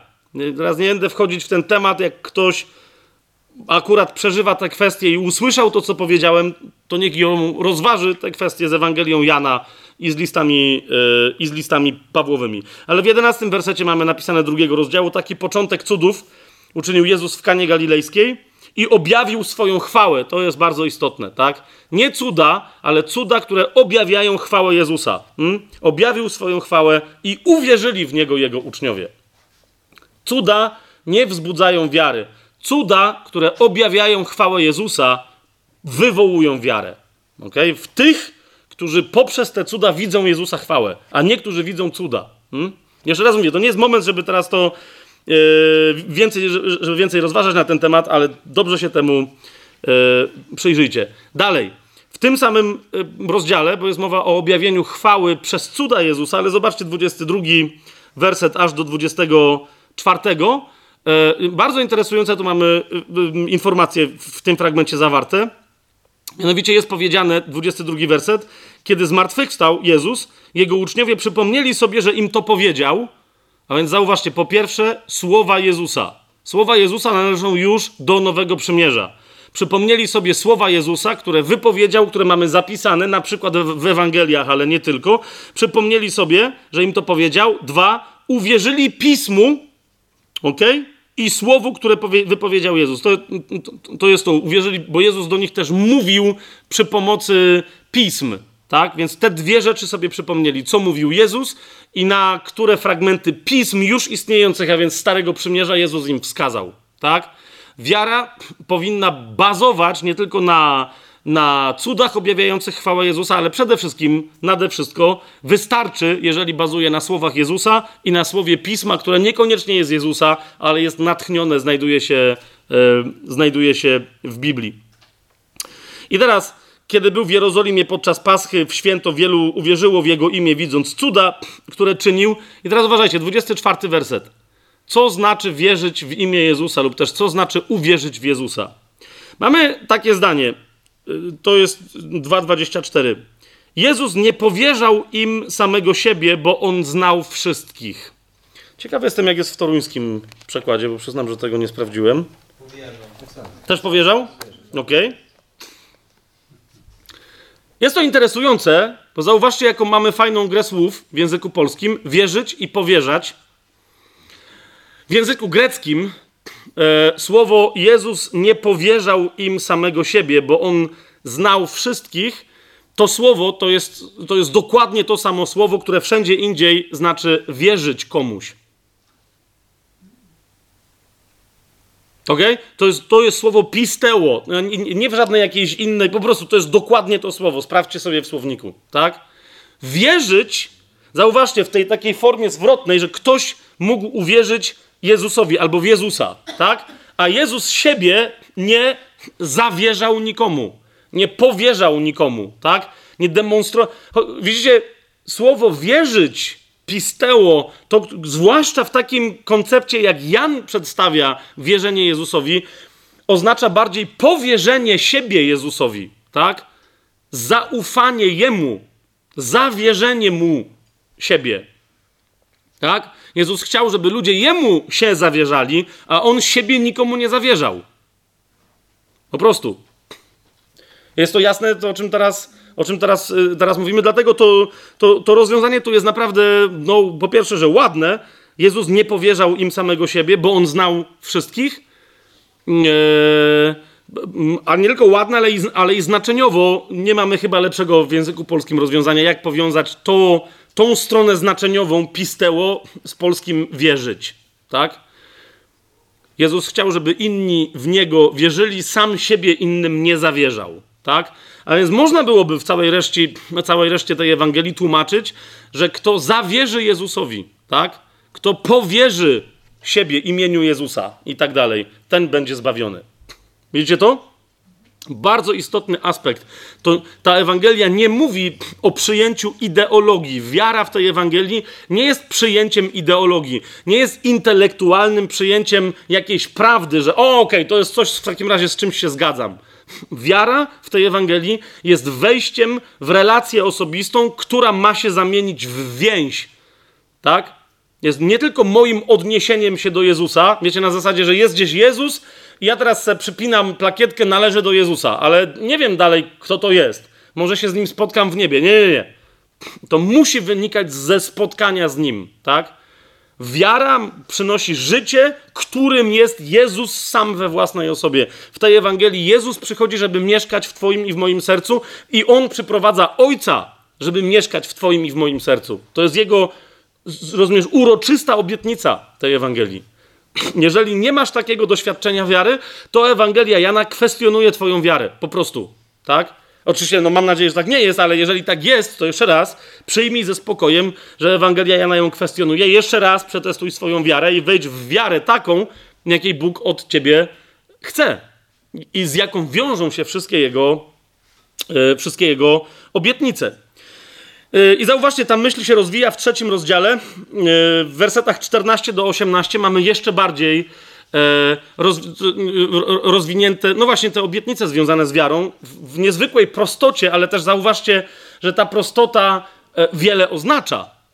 Przeczytajmy to razem. To jest trzeci rozdział Ewangelii Jana 14 do 18. A jak Mojżesz wywyższył węża na pustyni, tak musi być wywyższony Syn Człowieczy. Po co? Aby każdy, kto w Niego wierzy, nie zginął, ale miał życie wieczne. I czytam dalej. Tak bowiem Bóg ukochał, umiłował świat, że dał swojego jednorodzonego syna, aby każdy, kto w niego wierzy, nie zginął, ale miał życie wieczne. Ponieważ Bóg nie posłał swojego syna na świat, żeby potępił ten świat, lecz aby ów świat był przez niego zbawiony. Kto więc wierzy w niego, nie będzie potępiony, ale kto nie wierzy, już jest potępiony, bo nie uwierzył w imię jednorodzonego syna Bożego. Proste. Teraz zauważcie, y, co się tu dzieje. Nie chcę, nie chcę dalej tego rozwijać, ale zauważcie, e, e, jak łatwo głosić te słowa. Hmm, teraz powiem coś, no ale dobra, już tyle kontrowersyjnych rzeczy, jak się w życiu nagadałem, to. Ale myślę, że to jest ważne. Hmm? Bo ostatnio mieliśmy trochę rozmów na temat, wiecie, na, na przykład, czy czy nie lepiej jest trochę delikatniej głosić, nie wiem co by to miało znaczyć, głosić Ewangelię, jeżeli wiemy, że są na przykład rzymscy katolicy na spotkaniu e, starej daty adwentyści dnia siódmego, czy może nawet, nie wiem, świadkowie Jehowy, czy ktoś, i że wtedy... Dobra, takich, którzy są bardzo daleko, to nawet zostawiam, tylko wiecie, myśl, myślę, że to musi być jasno głoszone. Tak? E, I w tym sensie Luther miał, miał rację. Sola fide. Tak? Sama wiara, tylko i wyłącznie wiara, ona wystarcza. Rozumiesz? Twoje zbawienie dokonuje się na podstawie wiary i tylko i wyłącznie wiary. Rozumiesz? To jest myśl, która w tej Ewangelii dalej się rozwija, ale tu jest wystarczająco klarownie wyrażona. Tak? 15 werset. Każdy, kto w niego wierzy, nie zginie, ale będzie mieć życie wieczne. Każdy, kto w niego wierzy. Kropka. Rozumiesz? Każdy, kto w niego wierzy. Tyle. I on tyle. Później Paweł rozwinie tę myśl, mówiąc, że wiara sercem przyjęta prowadzi do usprawiedliwienia. Nic na zewnątrz, żaden uczynek religijny nie może potwierdzić, rozumiesz, tej wiary, i teraz uważajcie teraz na to, co mówię, tej wiary, która prowadzi do usprawiedliwienia w sercu. Bo niektórzy potem wołają, ale Jakub powiedział, pokaż mi swoje uczynki, a ja na tej podstawie wiara bez uczynków jest martwa. Pamiętacie to? Tylko, że Jakub mówi o czym innym. Jakub mówi o życiu z wiary. Tak? Kto, o, I o przynoszeniu owoców wiary. Czy to jest jasne? Natomiast tu jest mowa o tym, że, że usprawiedliwienie w sercu przychodzi przez wiarę, która się rodzi w sercu i ona tam działa. I teraz nie może tak być, że potem ktoś przyjdzie i powie: okej, okej, okej, okay, ale jeżeli wierzysz, to musisz to potwierdzić jakimś uczynkiem. Jakim? I na przykład katolicy mówią: musisz przystępować do sakramentów. No bo, no bo wtedy, rozumiesz, czyli wtedy, czyli jednak łaską jesteśmy zbawieni przez wiarę, nie z uczynków, ale potem przy pomocy tych uczynków musimy aktywować tę wiarę, bo ona niby coś nam przyniosła, ale nic nie dała. Rozumiecie o co mi chodzi? To musi być bardzo jasno powiedziane. ok? To musi być bardzo jasno, tak jak w Ewangelii Jana, bardzo jasno powiedziane. Sola fide. Czternasty werset. Hmm? 15 werset. Kto w niego wierzy, aby kto w niego wierzy, nie zginął, ale miał życie wieczne. I 16 werset. To samo. Tak Bóg umiłował świat, żeby co? Żeby każdy, kto w niego wierzy, nie zginął, ale miał życie wieczne. Hmm? Ta wiara, która nas ratuje przed wiecznym potępieniem, po prostu niczym innym się nie wyraża, tylko wierzeniem w imię jednorodzonego Syna Bożego. To, to jest ja. I sprawdźcie całą tę Ewangelię od początku do końca. Nie ma mowy o żadnych innych czynach, które na, nawet chrzest, zauważcie, nawet chrzest jest tylko wynikiem e, życia wiarą, a nie jest czymś zbawiającym ani w tej Ewangelii, ani w całej reszcie, ani w całej reszcie Biblii. W każdym razie nie w tym fundamentalnym sensie zbawiającym przed potępieniem. On przynosi. e, No, nie będziemy dzisiaj tego, tego rozważać, ale, ale jeszcze raz, jeszcze, jeszcze raz. Nawet jeżeli chrzest jest wyrazem wiary, tak jak później wiele innych rzeczy jest wyrazem wiary, to wiara zaczyna działać w sercu. Jeżeli w sercu uwierzysz, Paweł, list do Rzymian, 10 rozdział, jeżeli w sercu uwierzysz, że Bóg Jezusa wskrzesił z martwych, tak? I potem mówi, bo sercem przyjęta wiara prowadzi do usprawiedliwienia, przynosi sprawiedliwość. Tyle. Sercem przyjęta wiara. Hmm?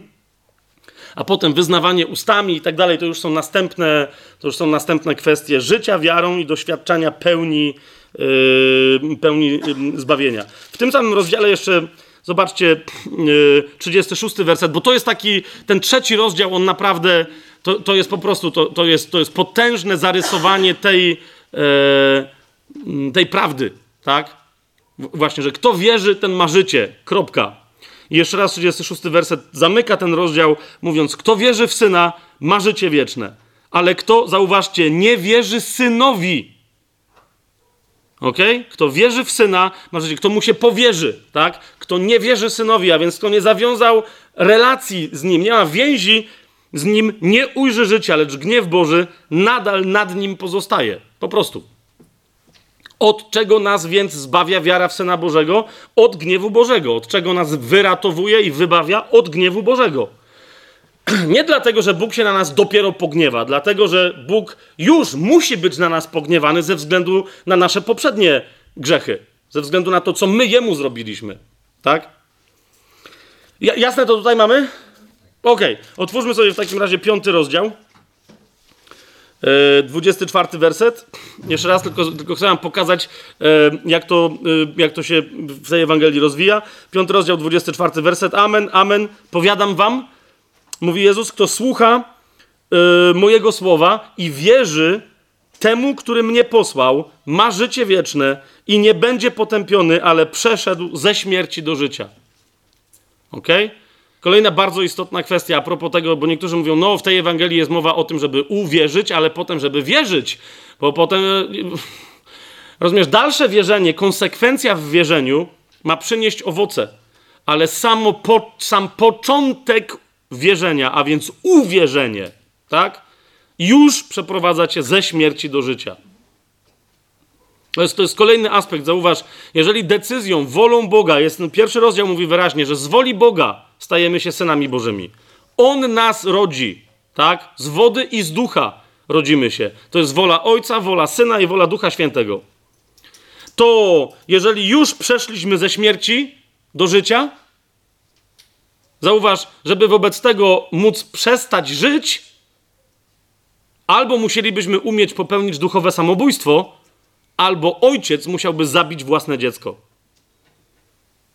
Zauważcie, co się tutaj dzieje. To, to jest jeden z aspektów, z którym jeżeli ktoś uważa, że, że zbawienie, to, to zbawienie, które polega na otrzymaniu życia wiecznego, jeżeli ktoś mówi, że to można stracić, to musi sobie poradzić z tym aspektem. Hmm? Bo, bo zbawienie no nie jest jakaś abstrakcyjna pozwolenie na wejście gdzieś tam. Rozumiesz, to nie jest karta VIP. Po prostu, tak? Masz full security clearance, tylko ty możesz wejść do tronu Bożego. To nie jest to. To jest to, że ty się rodzisz jako nowe stworzenie. Rodzisz się jako syn Boży. Rozumiesz? I ty duchowo. Jak popełnisz duchowe samobójstwo? Nie, nie możesz. To by znaczyło, że ojciec musi cię zgładzić jako swojego syna. No i wtedy pomyśl, o czym mówi chociażby ósmy rozdział listu do Rzymian, tak? Naprawdę? Ten, który swojego syna nie oszczędził, po to, żeby mieć z ciebie swojego kolejnego syna i córkę, to on teraz nagle ma ciebie mordować? W sytuacji znacznie lepszej niż przed twoim zbawieniem? Pomyśl. Pomyśl. Jeszcze raz, te, te wiecie, te, właśnie to jest to, o czym ostatnio mówiliśmy. Proste sformułowania u Jana, zauważ e, przy pomocy prostych słów, zauważ, jak są brzemienne e, skutki, wnioski, tak? Jeszcze raz przeczytajmy to. Zaprawdę, zaprawdę, amen, amen. Powiadam wam, kto słucha mojego słowa. Zauważcie, tu jest również e, nieco zmienione źródło wi- wiary. Jezus pokazuje, no kto we mnie wierzy, kto wierzy mojemu słowu, to automatycznie wierzy Ojcu. Bo wiecie, w tej Ewangelii Jezus mówi, kto mnie widzi, widzi Ojca. Tak? Więc tu mówi, kto słucha mojego słowa i wierzy temu, który mnie posłał, ma życie wieczne i nie będzie potępiony. Rozumiesz?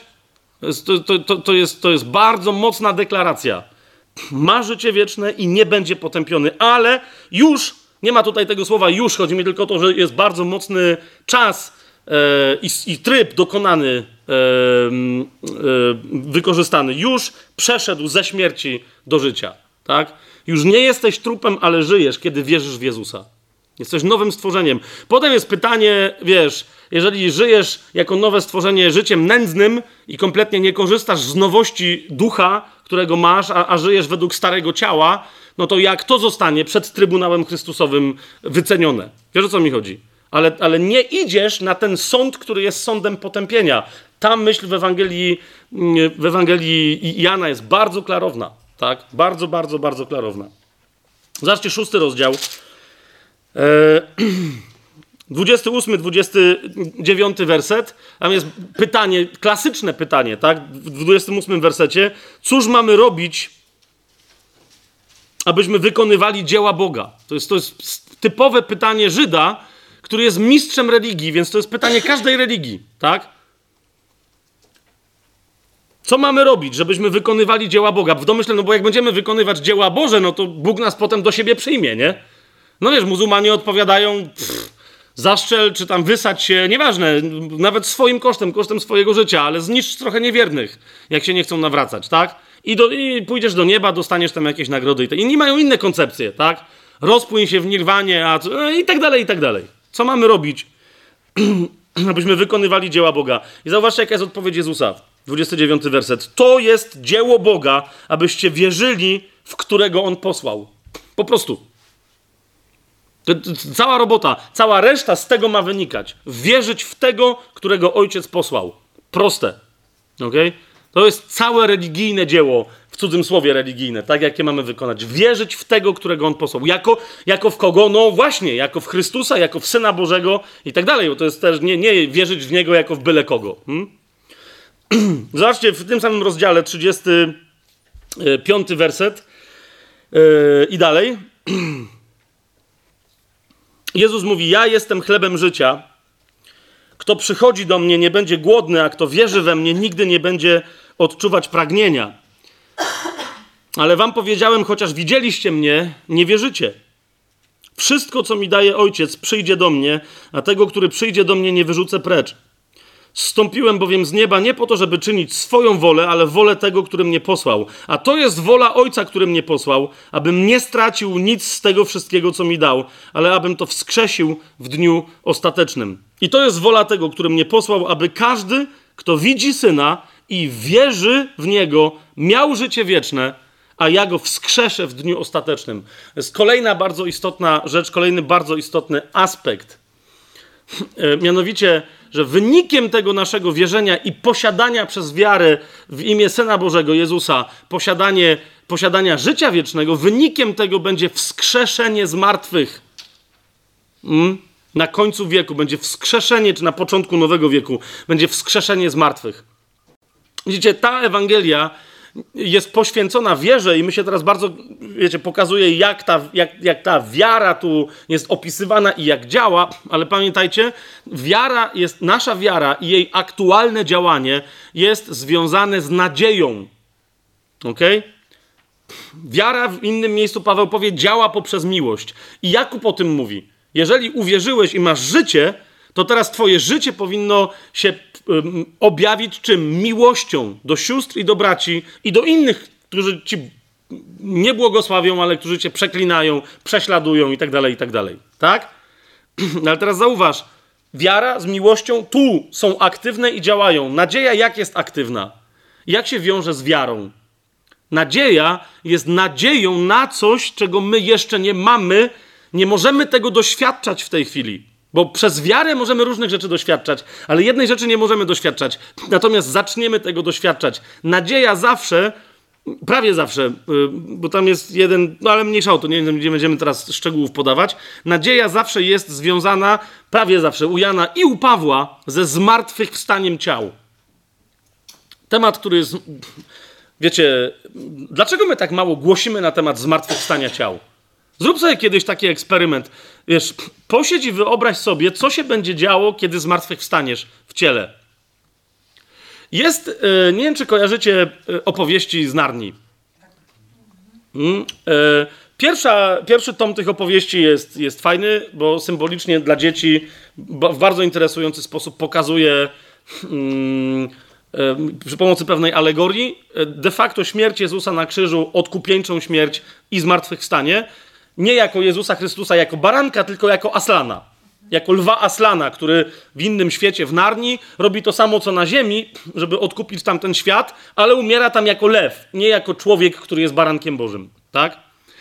Inna rzecz, że w tych opowieściach z Narni, ponieważ pisał to biblijnie wierzący człowiek, w tych opowieściach z Narni w pewnym momencie Aslan, nie pamiętam w którym tomie, mówi, że tu jestem znany jako lew, ale jest świat, w którym jestem bardziej znany jako baranek. Okay? Więc jest takie, jakby jeszcze ktoś nie rozumiał o co chodzi, to jest, to jest taka informacja. Niemniej najbardziej poruszające dla mnie, to był no, chyba ostatni, jest ostatni tom. Taki spoiler będzie hmm, teraz. Taki będzie spoiler. Koniec ostatniego tomu. Dochodzi tam do, do, do, do takiej e, dziwnej sytuacji, w ramach której, tam jest jakaś dziewczynka, nie pamiętam teraz jej imienia, jest, jest bohaterką.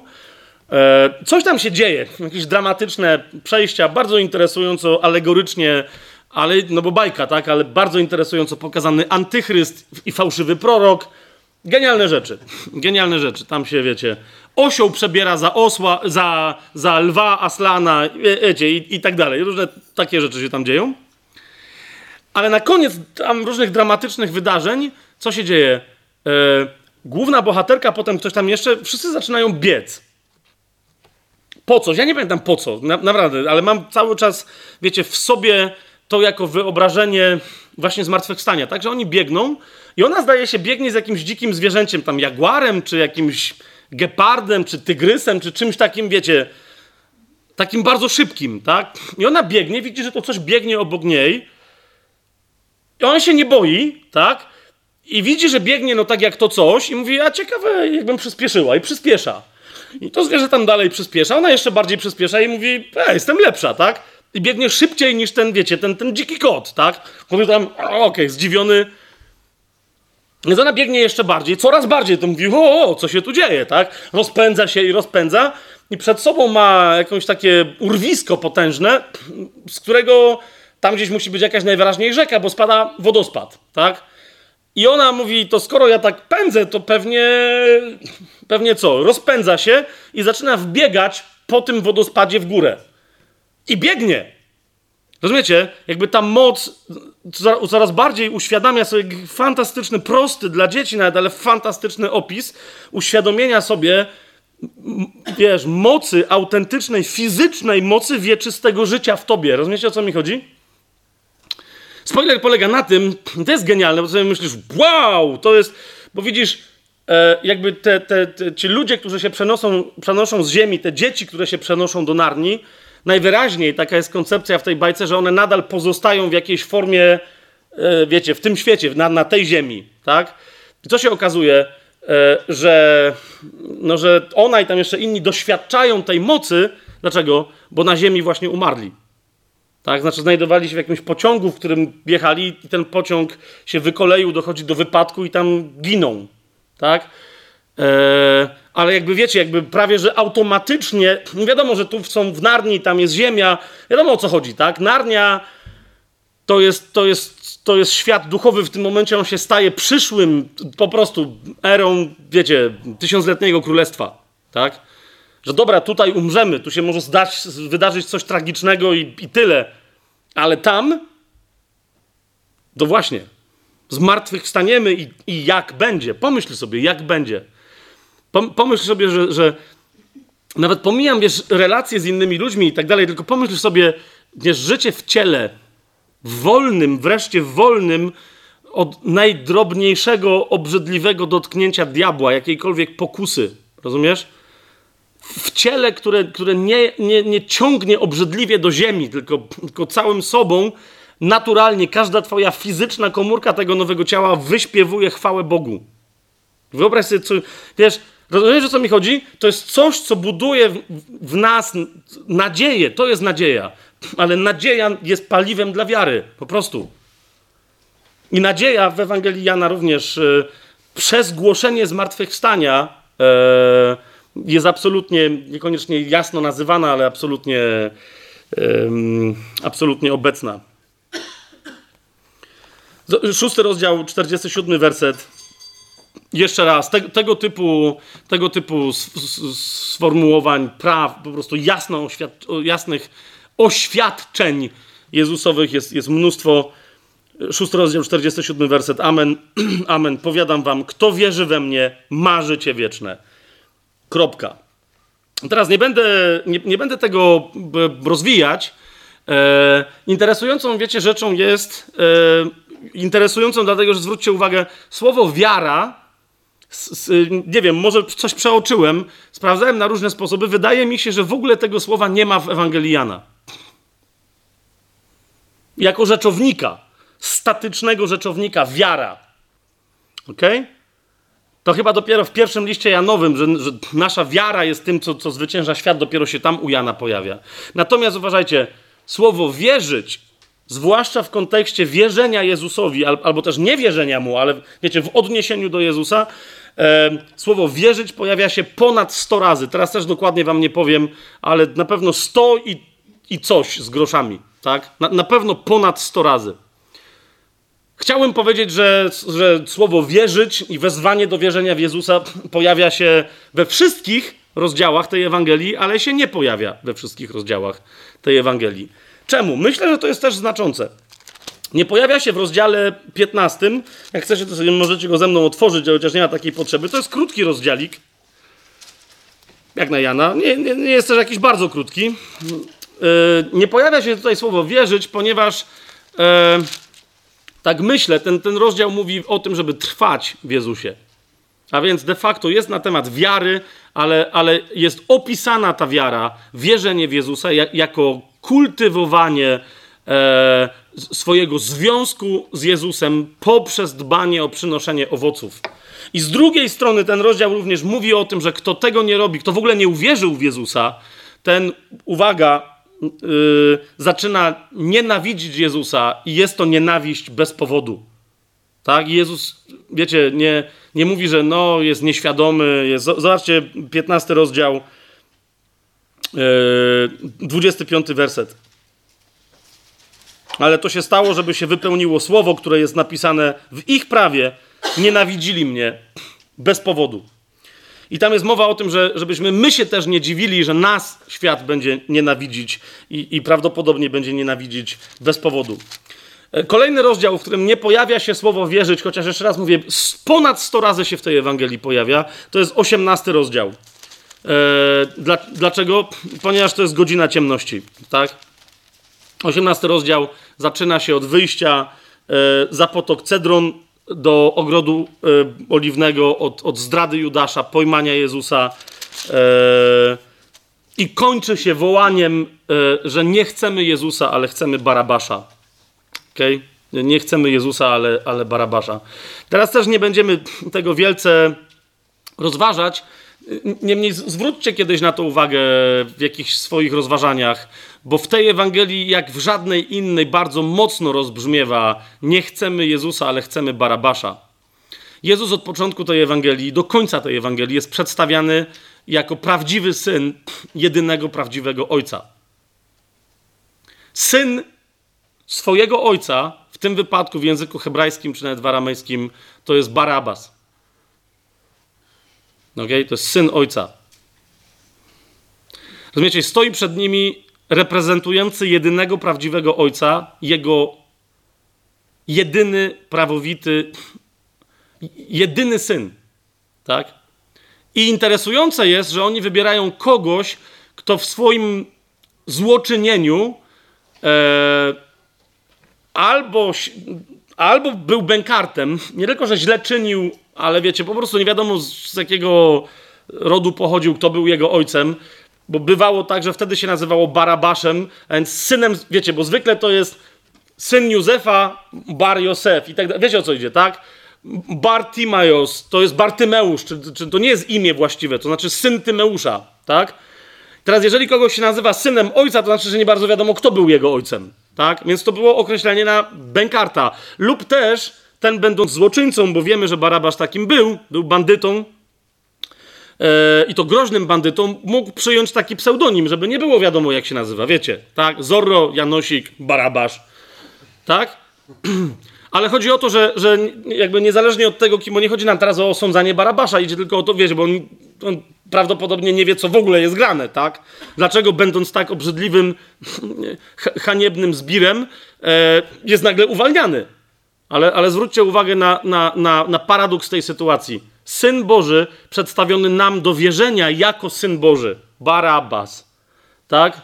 Jest, jest, jest odrzucony przez lud na rzecz fałszywego Syna Bożego. E, Fałszywego syna swojego ojca w, w tym wypadku, tak? Ale to, to właśnie kogoś, kto twierdzi, że jest synem nie wiadomo jakiego ojca. I oni mówią, tego chcemy.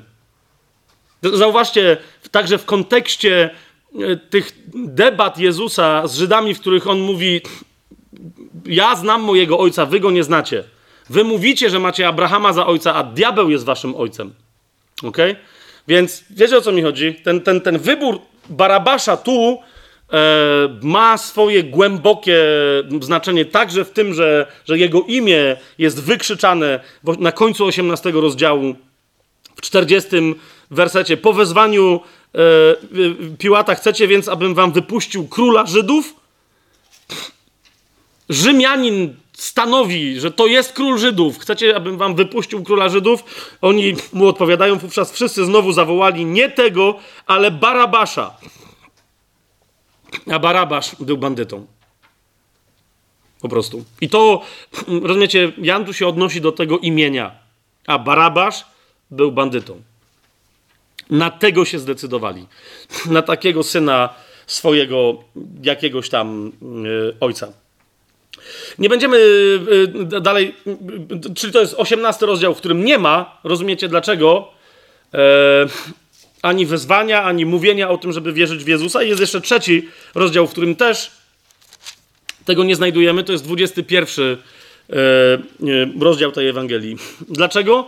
Myślę, że z prostego powodu, okej?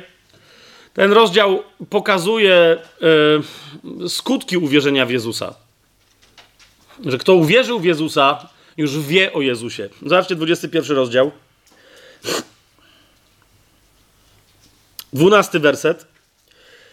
E, Jezus im powiedział: Chodźcie, jedzcie. I żaden z uczniów nie śmiał go pytać, kim jesteś, wiedzieli bowiem, że to Pan. No, to ich wiedzenie jest takie trochę jak Piotra, tak? Że mu Jan musiał powiedzieć, to jest Pan, i on wtedy, o, to jest Pan. A więc początki wiary mogą być takie, że nie jest łatwo człowiekowi rozpoznać Jezusa w jego działaniu. Oczy wiary możemy mieć nieotwarte szeroko, tak? Im bardziej mamy otwarte y, oczy ciała, tym mniej mamy otwarte oczy wiary, ale, ale jeszcze raz, kto się narodził na nowo, ten ma możliwość patrzenia oczami wiary i ta możliwość w 21 rozdziale y, jest opisana. Teraz, tyle w kwestii wiary i umacniania wiary. Y, Co ona oznacza, tak? Teraz przejdźmy do tego drugiego aspektu, że wiara rodzi się przez świadectwo osobiste. 21 rozdział otwórzmy. 24 werset. O autorze tej ewang- Ewangelii jest powiedziane, to jest ten uczeń, który świadczy o tym i to napisał. A wiemy, że jego świadectwo jest prawdziwe. Zobaczcie, y, 20 rozdział, 31 werset. Hmm? Jeszcze raz. Mamy wierzyć, że Jezus jest Chrystusem, Synem Bożym i wierząc mieć życie w Jego imieniu.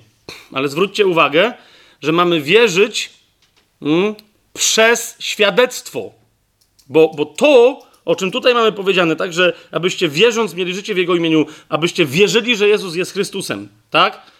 Ale co, po to jest napisane to świadectwo, żebyście przez świadectwo wierzyli. Jest to powiedziane zaraz po tym, w 29 wersecie, błogosławieni, którzy nie widzieli, a uwierzyli.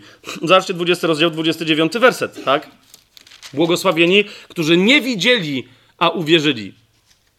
Hmm? Błogosławieni, którzy usłyszeli, bym dodał, a uwierzyli. Wiara bowiem rodzi się ze słuchania. Tak? Paweł potem rozwinie ten temat w liście do Rzymian. W 19 rozdziale, zobaczcie, w 35 e, wersecie, zaraz po śmierci Jezusa, bardzo i, i, tym fragmencie, tym, tym szczególe, że popłynęły krew i woda z jego boku, kiedy został jego bok e, przebity. E, w 35 wersecie mamy napisane, a ten, który to widział, świadczy, a jego świadectwo jest prawdziwe i on wie, że mówi prawdę, abyście wy wierzyli. Kolejny raz, kiedy mamy podkreślone, że wiara wynika, rodzi się na bazie świadectwa. Okay? Doświadczenie spotkania z Jezusem przychodzi przez, przez to, że świadek świadczy. Świadek robi to, do czego jest yy, powołany. Od samego początku tej Ewangelii, zobaczcie pierwszy rozdział, siódmy werset, tak? o, o którym już mówiliśmy, ale, ale to jest istotne. Mamy przedstawionego Jana, chrzciciela, jako tego, który był świadkiem. Przyszedł on na świadectwo, aby świadczyć o tej światłości, żeby wszyscy przez niego uwierzyli. Nie był on tą światłością, ale przyszedł, aby świadczyć o tej światłości. Jan Chrzciciel. Jak sobie przypomnicie, że Jezus o Janie Chrzcicielu powiedział, że jest największym zrodzonym z niewiasty, ale najmniejszy w królestwie jest większy niż on, to rozumiecie także pod tym względem. Zobacz, jak wielkim świadkiem był Jan Chrzciciel. I zrozum, że, że Twój potencjał, mój potencjał do bycia świadkiem Jezusowym, do zaświadczenia o, o światłości, jaką jest Chrystus, mój i Twój potencjał jest znacznie większy niż potencjał Jana Chrzciciela. Bo my jesteśmy dziećmi królestwa. Amen? Zobacz Ewangelia Jana, trzeci rozdział. Jedenasty werset. Kolejna bardzo interesująca historia. Hmm? Jezus przedstawia siebie, to jest bardzo ciekawe. Jezus przedstawia siebie jako świadka. Ok?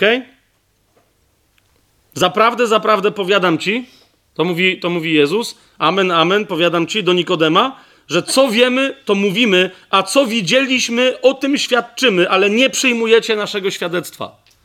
Teraz, dlaczego Jezus tu mówi w liczbie mnogiej, to na razie ten temat zostawmy, ale e, na, dosłownie na chwilę, e, może dłuższą, ale myślę, że dzisiaj do tego jeszcze, jeszcze podejdziemy. Niemniej zauważ, Jezus siebie przedstawia jako świadka. Ok? Świadka czego? Świadka swojego ojca, świadka woli swojego ojca, świadka zobowiązania swojego ojca, że ktokolwiek uwierzy w jego imię, będzie mieć życie wieczne. To jest postanowienie ojca i Jezus jest świadkiem. Rozumiesz? Wierzy się świadkowi. Pierwszym świadkiem w tym wypadku jest Jezus. Mówi: Ja jestem świadkiem. Co widziałem w niebie, to ci objawiam na ziemi. Hmm? Jeszcze raz, dlaczego o tym mówię? Bo, no bo za chwilę będziemy słyszeć o, o jeszcze innych świadkach, o innym świadczeniu. Zrozum, dlatego Jezus gdzie indziej powie, że jeżeli ktoś przyjmuje was, nie, nie, w tej, nie, nie, nie tutaj, tak, ale w innych Ewangeliach jeżeli ktoś was przyjmuje, to mnie przyjmuje, właśnie dlatego. Jak ktoś was odrzuca, to mnie odrzuca. Jak to, tu to zresztą w tej Ewangelii też, to mnie odrzuca, odrzuca tego, który mnie posłał. O, rozumiesz? Odrzuce, przyjęcie świadka przynosi swoje skutki, przynosi owoce. Odrzucenie świadka również ma swoje skutki. Jeżeli ktoś ciebie odrzuca, zrozum. Jak dobrze też powinno, rozumiesz, jak, jak powinno wyglądać Twoje, moje przygotowanie do świadectwa. Bo jeżeli ktoś mnie odrzuci ze względu na nędzę tego, jak ja świadczę, to nie zmienia faktu, że odepchnie Jezusa, a to ma swoje konsekwencje. Czy to jest jasne, co mówię? Po, po prostu. Jezus mówi, kto was nie przyjmuje, mnie nie przyjmuje. Kto mnie nie przyjmuje, odrzuca Ojca i może się to skończyć takim zatwardzeniem jego serca, po prostu, że znienawidzi Ojca. Bierzmy odpowiedzialność za swoje życie, za swoje świadectwo, za nasze głoszenie. Hmm? E, Zobaczcie w trzecim rozdziale, mm, 26 werset. Przyszli do Jana, jego uczniowie, i powiedzieli mu, mistrzu, ten, który był z tobą za Jordanem, o którym ty dałeś świadectwo, oto on chrzci, a wszyscy idą do niego. Świadectwo w tej Ewangelii jest czymś ważnym, tak? Niektórzy, raz uważaj, niektórzy ze względu na świadectwo chcą czyjegoś wywyższenia. Oni mówią, ej, to ty dałeś świadectwo o nim, upomnij go teraz. Rozumiesz? Bo on teraz wydaje się być większy niż ty. Zobaczcie 30 werset i będziemy czytać yy, dalej, na co, jak odpowiada Jan. On musi wzrastać, a ja stawać się mniejszym. Kto przyszedł z góry jest nad wszystkimi, kto jest z ziemi jest ziemski i mówi ziemskie rzeczy. Ten, który przyszedł z nieba jest nad wszystkimi. A świadczy o tym, co widział i słyszał, ale nikt nie przyjmuje jego świadectwa. Widzicie, Jan w odpowiedzi na zdziwienie swoich uczniów, on im mówi: Zobaczcie, kto ma jakie świadectwo. Ja zaświadczyłem o nim, ok? I tylko tyle, ale po co? Żebyście posłuchali, o czym świadczy on. Ja zaświadczyłem o nim na sposób ziemski, wobec tego objawienia drobnego, które miałem na jego temat. On świadczy o wszystkim, bo on przyszedł z nieba. Hmm? Kto jest z ziemi, jest ziemski i mówi ziemskie rzeczy. Ten, który przyszedł z nieba, jest nad wszystkimi i jego świadectwo również jest ponad wszystkimi. Zweryfikuj również swoje świadectwo ze świadectwem Jezusa. Na ile Twoje świadectwo jest świadectwem Jezusa, a na ile może się stać Twoje, czy moje świadectwo, świadectwem, rozumiesz, moim zamiast Jezusowym. Tak? Świadczy o tym, co widział i słyszał, a nikt nie przyjmuje jego świadectwa. 33 werset, zobaczcie. Kto przyjmuje jego świadectwo, a nie kogokolwiek innego, kto przyjmuje jego świadectwo, ten zapieczętował, że Bóg jest prawdziwy. Wow! Uważaj, czy przyjmując czyjeś świadectwo, przyjmujesz tylko tego kogoś, czy też ten ktoś jest kanałem przepływu właściwego świadectwa i czy przyjmujesz de facto Jezusa. Tak? Jeżeli przyjmujesz czyjeś świadectwo jako tego kogoś świadectwo, a więc kończy się to świadectwo przyjęciem, zawierzeniem siebie temu komuś, kto ci świadczył, to jest błąd. Okay? Tylko przyjęcie świadectwa Jezusowego jest zapieczętowaniem, e, jak to genialnie tutaj Duch Święty przez Jana mm, Chrzciciela powiedział, jest zapieczętowaniem, że Bóg jest prawdziwy. Jest, jest Twoim potwierdzeniem, rozumiesz, zgodzeniem się z tym, bo Bóg jest prawdziwy, a to jest wyraz Twojej zgody na to. Zobaczmy w Ewangelii Jana w piątym rozdziale. Tam mamy nieco dłuższą wypowiedź. E, hmm? w której Jezus właśnie mówi o tym, jak ważne jest świadczenie i, i, i rozpoznanie świadczenia. To jest piąty rozdział, 31 werset. Yy, aż do 37 będziemy czytać. Jeżeli ja świadczę sam o sobie, moje świadectwo nie jest prawdziwe. Nie? Już, już doszliśmy do tego, żeby przyjąć świadectwo Jezusa, ale teraz musimy iść w tym dalej, bo ten temat Jan bardzo mocno rozwija. Jeżeli ja świadczę sam o sobie, moje świadectwo nie jest prawdziwe. Jest ktoś inny, kto świadczy o mnie i wiem, że świadectwo, które daje o mnie, jest prawdziwe. Wy posłaliście do Jana, a on dał świadectwo prawdzie. Lecz ja nie przyjmuję świadectwa od człowieka, ale to mówię, abyście byli zbawieni. On był płonącą i świecącą lampą, a wy chcieliście do czasu radować się w jego światłości. Dosłownie tutaj w 35 wersecie jest powiedziane, on był płonącą, no okej, okay, i, i płonącą i świecącą lampą, a wy chcieliście przez godzinę radować się w jego światłości. Tak, tu jest dokładnie tak powiedziane. Okay? Czyli dopóki jego trwała godzina Jana Chrzciciela, to tyle. Nie, nie, jak się skończyła, no to już przestali. Da, z powrotem wróciliście do mroku. Jan, na, dlatego na początku o Janie jest powiedziane, że Jan nie był światłością, ale przyszedł zaświadczyć o światłości. Tak? To jest cały czas to, co Jezus mówi. Jeżeli przyjmiecie nawet kogoś, kto świadczy o światłości, ale przez jego świadectwo nie wejdziecie w światłość, to światłość człowieka się skończy i pozostajecie w mroku. Hmm? Więc 35 werset, on był i dalej. On był płonącą i świecącą lampą, a wy chcieliście do czasu radować się w jego światłości. Ale ja mam świadectwo większe niż Jana. Dzieła bowiem, które ojciec dał mi do wykonania, te właśnie dzieła, które czynię, świadczą o mnie, że ojciec mnie posłał. A ojciec, który mnie posłał, On świadczył o mnie. Nigdy nie słyszeliście Jego głosu, ani nie widzieliście Jego postaci. Dlatego to jest wyjaśnienie, dlaczego to dzieła, wykonywanie dzieł przez Jezusa jest de facto świadectwem Ojca. On mówi, Ojca nie możecie widzieć. I ta Ewangelia też się zaczyna od takiego oświadczenia. Boga nikt nigdy nie widział, tak? Ale można go zoba- zobaczyć poprzez dzieła Ojca. Wiecie, e- ekstrapolując nieco dalej, można zobaczyć Ojca poprzez nasze dzieła, które czynimy, pełniąc Jego wolę w imieniu Jezusa, yy, Jezusa Chrystusa. Zobaczcie jeszcze 12 rozdział.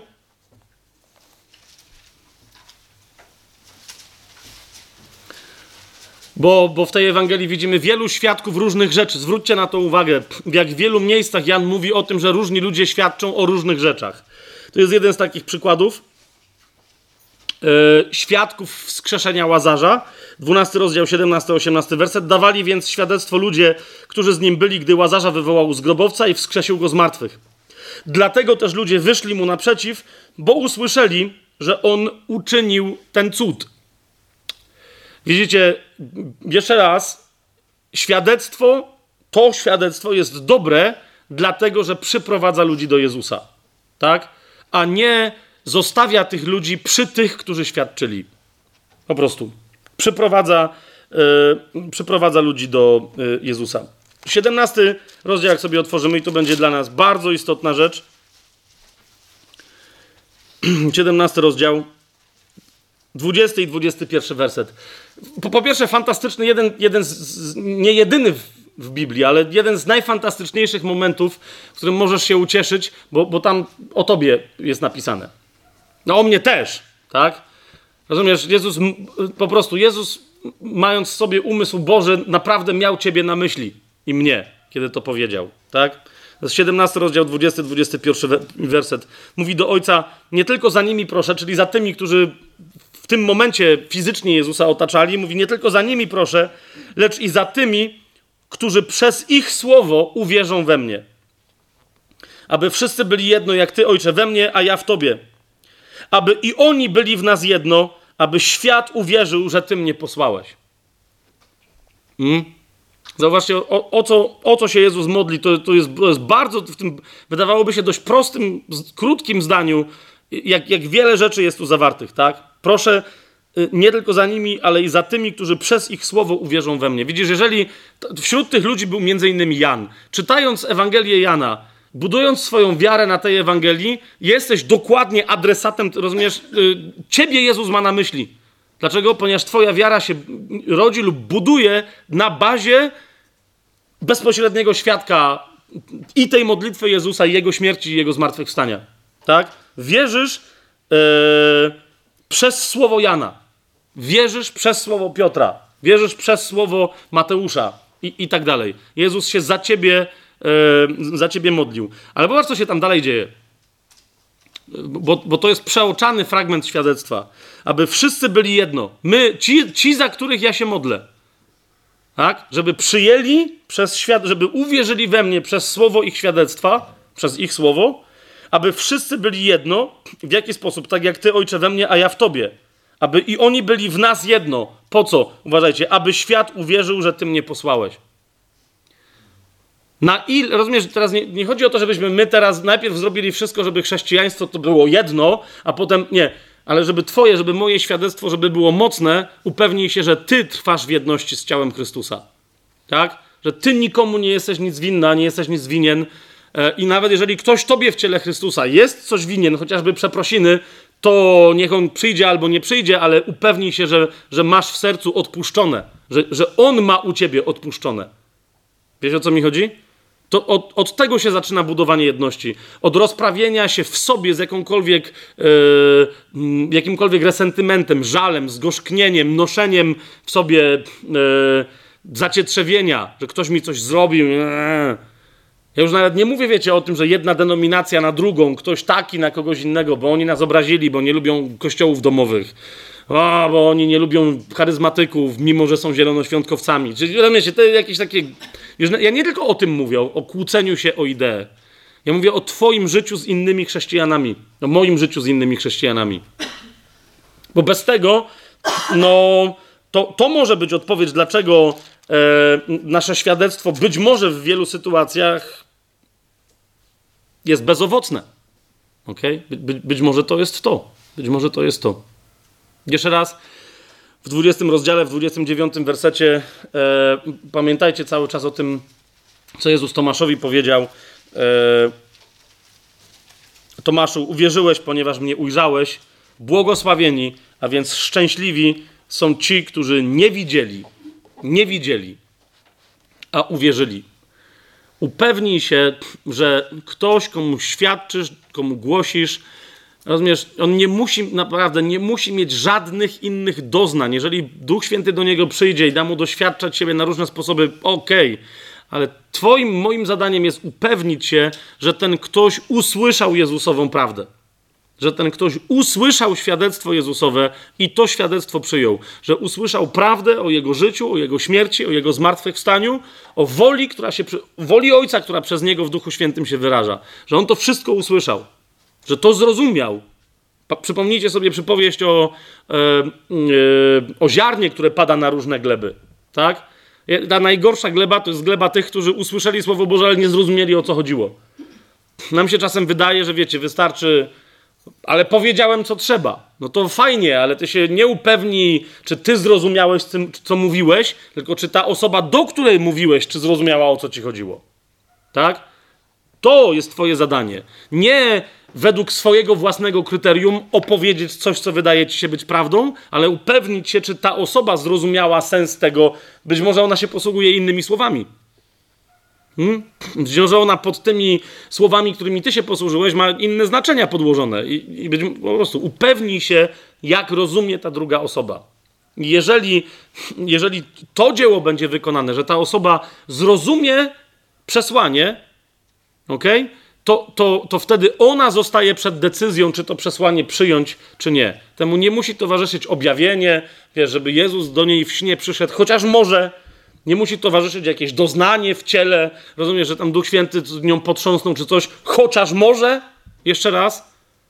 Ale decyzja wiary jest decyzją przyjętą wobec nie tych doznań, które, które są dostrzegalne jakkolwiek, ale które zostały, y, jest decyzją wiary wobec usłyszanego Słowa Bożego. Amen? Okej. Okay. I tu kolejna bardzo istotna rzecz. Jak powiedziałem, wzbudzić i umocnić wiarę. O to chodzi w tej Ewangelii. Po drugie, poprzez świadectwo osobiste i zobacz, że tu sam Jezus funkcjonuje, przedstawia się jako świadek osobisty tego, co widział, czego doświadczył w niebie i z czym przychodzi do nas na ziemię. Ale ta rzecz, ta, ta, ta, ta rzecz, ta osoba, okay? rzeczą jest, no właśnie, żebyśmy pamiętali o pewnej mocy, tak? a, a, a osobą odpowiedzialną za tę moc jest Duch Święty. Zobaczcie, 16 rozdział, Mm, nieustannie mamy, mamy przypomnienie, że nie my prowadzimy ewangelizację. Okay? Nie my. 16 rozdział. E, od siódmego wersetu Jezus mówi tam, to nie jest jedyne miejsce, gdzie on mówi o Duchu Świętym, ale, ale ten konkretny aspekt nas interesuje. On mówi: Ja wam mówię prawdę. Pożytecznie jest dla was, abym odszedł. Jeżeli bowiem nie odejdę, pocieszyciel do was nie przyjdzie. A jeżeli odejdę, poślę go do was. A kiedy on przyjdzie, będzie przekonywać świat o grzechu, o sprawiedliwości i o sądzie. O grzechu mówię, bo nie uwierzyli we mnie. Pierwsza rzecz, ok? Grzechem świata jest niewiara w Jezusa. ok? Jezus jest barankiem Bożym, który przyszedł, żeby zgładzić ten grzech. On jest barankiem, który gładzi grzech świata. Ale tym, który przekonuje o owym dziele, jest Duch Święty. Nie ja, nie ty. ok? Możesz powiedzieć, rozumiesz, możesz dokładnie, jota w jotę, słowo w słowo powiedzieć całą e, Ewangelię, kerygmat, całą, wiesz, dobrą nowinę, tak czy inaczej, niczego od siebie nie dodając. Ale jeżeli nie robisz tego w czasie, który wybrał Duch Święty, w sposób zgodny z tym, jak zaplanował to Duch Święty, rozumiesz, z odpowiednim przygotowaniem, którego od ciebie domagał się Duch Święty, to przestań. To, to jesteś politrukiem sowieckim. Okay? A, a nie, nie pełnisz woli yy, Ojca, nie pozwalasz Duchowi Świętemu przez siebie przemówić. Z drugiej strony, jeżeli chodzisz w duchu i, i to cię interesuje, żeby nie przeszkadzać Duchowi Świętemu, ale okazać się jak najlepszym pomocnikiem pocieszyciela, no, jak najlepszym jego uczniem, wówczas naprawdę może się okazać, wielu o tym świadczy, że kiedy weszli na taką drogę duchowego oddziaływania, więcej wstawiennictwa niż świadectwa, okay? no później okazywało się, że czasem przyjście kogoś takiego, czy, czy nawet powiedziałbym przejście kogoś takiego obok y, ludzi niewierzących, kończyło się ich upamiętaniem, bywa, że bez żadnego, absolutnie żadnego głoszenia, albo przy absolutnie minimalnym głoszeniu. Przypominam tutaj sobie potwierdzone przez paru badaczy e, autentyczne wydarzenie z życia na przykład Smitha Wiggleswortha, który w momencie, kiedy zaczął e, chodzić w duchu, tak, modlić się za innych ludzi, pościć, e, żeby, no właśnie, żeby lepiej rozpoznawać wolę Bożą i tak dalej, i tak dalej. Mówi, że, że zdarzyło mu się parokrotnie, zdarzyła mu się parokrotnie sytuacja, przechodził jakimś tam polem, to były dwie sytuacje, przechodził obok jakiegoś pola i tam jakieś panie pracowały na tym polu. One go pozdrowiły jakoś tam, nie wiem, czy pozdrowienia w Anglii ponad 100 lat temu, czy były takie pobożne jak w Polsce, typu wiecie, szczęść Boże, czy coś w tym stylu. Nie, nie wiem, jakoś go pozdrowiły, tak? Na co on, do, zupełnie nie zastanawiając się nad tym, co robi, poruszony w duchu, pozdrowił je pytaniem: No, witam, witam, a czy są panie zbawione? Do, po prostu, wiecie, to było takie, okej, okay, i one tam coś ciupały, podniosły się i pff, tak, padły na, na ziemię i rozumiecie, pogrążone we łzach. I, I zaczęły pokutować, że no nie. I, od, I wiecie, wiedziały o co chodzi. On im potem pomógł przyjść do zbawienia, ale chodzi o to, że to była taka akcja, tak? Mówi, że drugą taką sytuację miał w sklepie ona też była potwierdzona przez świadków, że wszedł do jakiegoś sklepu i stwierdził, że co tam będzie mówił, dzień dobry, hello, how are you? Rozumiecie, te wszystkie angielskie chody, obchody. Wlazł i powiedział chwała najwyższemu Bogu, Jego Synowi, Jezusowi Chrystusowi, tak? I zamiast kupić masło, mleko i chleb, rozumiecie, wszyscy pani sprzedawczyni w tym sklepie i parę innych osób stojących w kolejce, wszyscy zaczęli pokutować. Rozumiecie? On mówi, a okej, okay, to zrobiłem zakupy. Hmm? Oczywiście nie chodzi mi też o to, żebyśmy teraz spodziewali się, że wszystko w ten sposób będzie wyglądać, ale idzie mi o to, że no właśnie to jest to. Przychodzi duch, przekonuje ludzi o grzechu, o sprawiedliwości i o sądzie. O grzechu, bo nie wierzą we mnie. Zobaczcie dalej ten szesnasty rozdział. O sprawiedliwości Jezus mówi, bo idę do mojego Ojca i już mnie więcej nie zobaczycie. O, to bardzo istotne, ale teraz nie będziemy rozważać, jak to się wiąże i dlaczego to jest sprawiedliwość. I po trzecie o sądzie, bo władca tego świata już jest osądzony. Hmm? Władca tego świata już jest osądzony. To jest dobra nowina. Ale widzisz, ta dobra nowina, że możesz wyjść spod władzy byłego, tymczasowego, przez jakiś czas tylko funkcjonującego władcy tego świata, zaczyna się najpierw od dzieła Bożego, w ramach którego duch przekonuje ludzi o grzechu, a dopiero później pokazuje wyjście. Tak? Grzech związany z władcą tego świata, przestań, on już nie rządzi tą siłą. Tak? Jest ktoś, kto, kto, kto go pokonał, i to jest Jezus. E, otwórzcie e, Ewangelię Jana, bo nie będę teraz tego więcej rozważał, ale zauważcie pierwszy rozdział. E, 32 i 33 werset. Tam jest świadectwo Jana o Jezusie i o Duchu Świętym. I świadczył Jan, widziałem ducha zstępującego jak gołębica z nieba i spoczął na nim. A ja go nie znałem, ale ten, który mnie posłał, żebym chrzcił wodą, powiedział do mnie: Na kogo ujrzysz ducha zstępującego i spoczywającego na nim, to jest ten, który chrzci duchem świętym. Teraz widzisz, co jest niezwykle istotne. E, czytając Ewangelię Jana, nie wiem, może po raz kolejny, ale może po raz pierwszy, zauważ, że gdziekolwiek dalej Jezus się pojawia, cokolwiek robi, Jezus to robi w towarzystwie tego Ducha Świętego, który przyszedł i spoczął na nim i który w nim przebywał. Dzisiaj nie będziemy aż tyle mówić o Duchu Świętym, tak? Ale zobacz, Jezus jako świadek wyraźnie jest świadkiem, który współ, nawet Jezus, wyraźnie jest świadkiem, który współpracuje pod namaszczeniem Ducha Świętego i wraz z nim przez jego moc. Jeszcze raz, zobacz, trzeci rozdział, jedenasty werset. Zauważ, to jest przed tymi wszystkimi Jezusowymi oświadczeniami o jedności z Ojcem i tak dalej, i tak dalej. Jedyne, co mamy, to jest ta informacja, że Duch Święty zstąpił na Jezusa. I teraz popatrz, trzeci rozdział, jedenasty werset. Kogo więc ma na myśli Jezus w tym momencie, kiedy mówi Amen, Amen, powiadam ci, że co wiemy, to mówimy, a co widzieliśmy, o tym świadczymy, ale nie przyjmujecie naszego świadectwa. Czyjego? Mojego i Ducha Świętego, mówi Jezus. Tak? Mówi w liczbie mnogiej. My świadczymy. Kto? Ja i Duch Święty, bo nie ma żadnej innej osoby w tym momencie, która by wcześniej przyłączyła się do Jezusa. Jedyną osobą jest Duch Święty, o którym Jan zaświadczył, że przyszedł do Jezusa, spoczął na nim. Tak? I kontynuuje potem działanie. Zauważcie, to jest istotne, ale jeszcze raz nie będziemy dzisiaj o tym mówić. W momencie, kiedy Jezus umiera na krzyżu, nie zostaje świat ani przez sekundę po tym, jak Jezus powiedział, wykonało się, nie zostaje świat na powrót po śmierci Jezusa pod władztwem złego.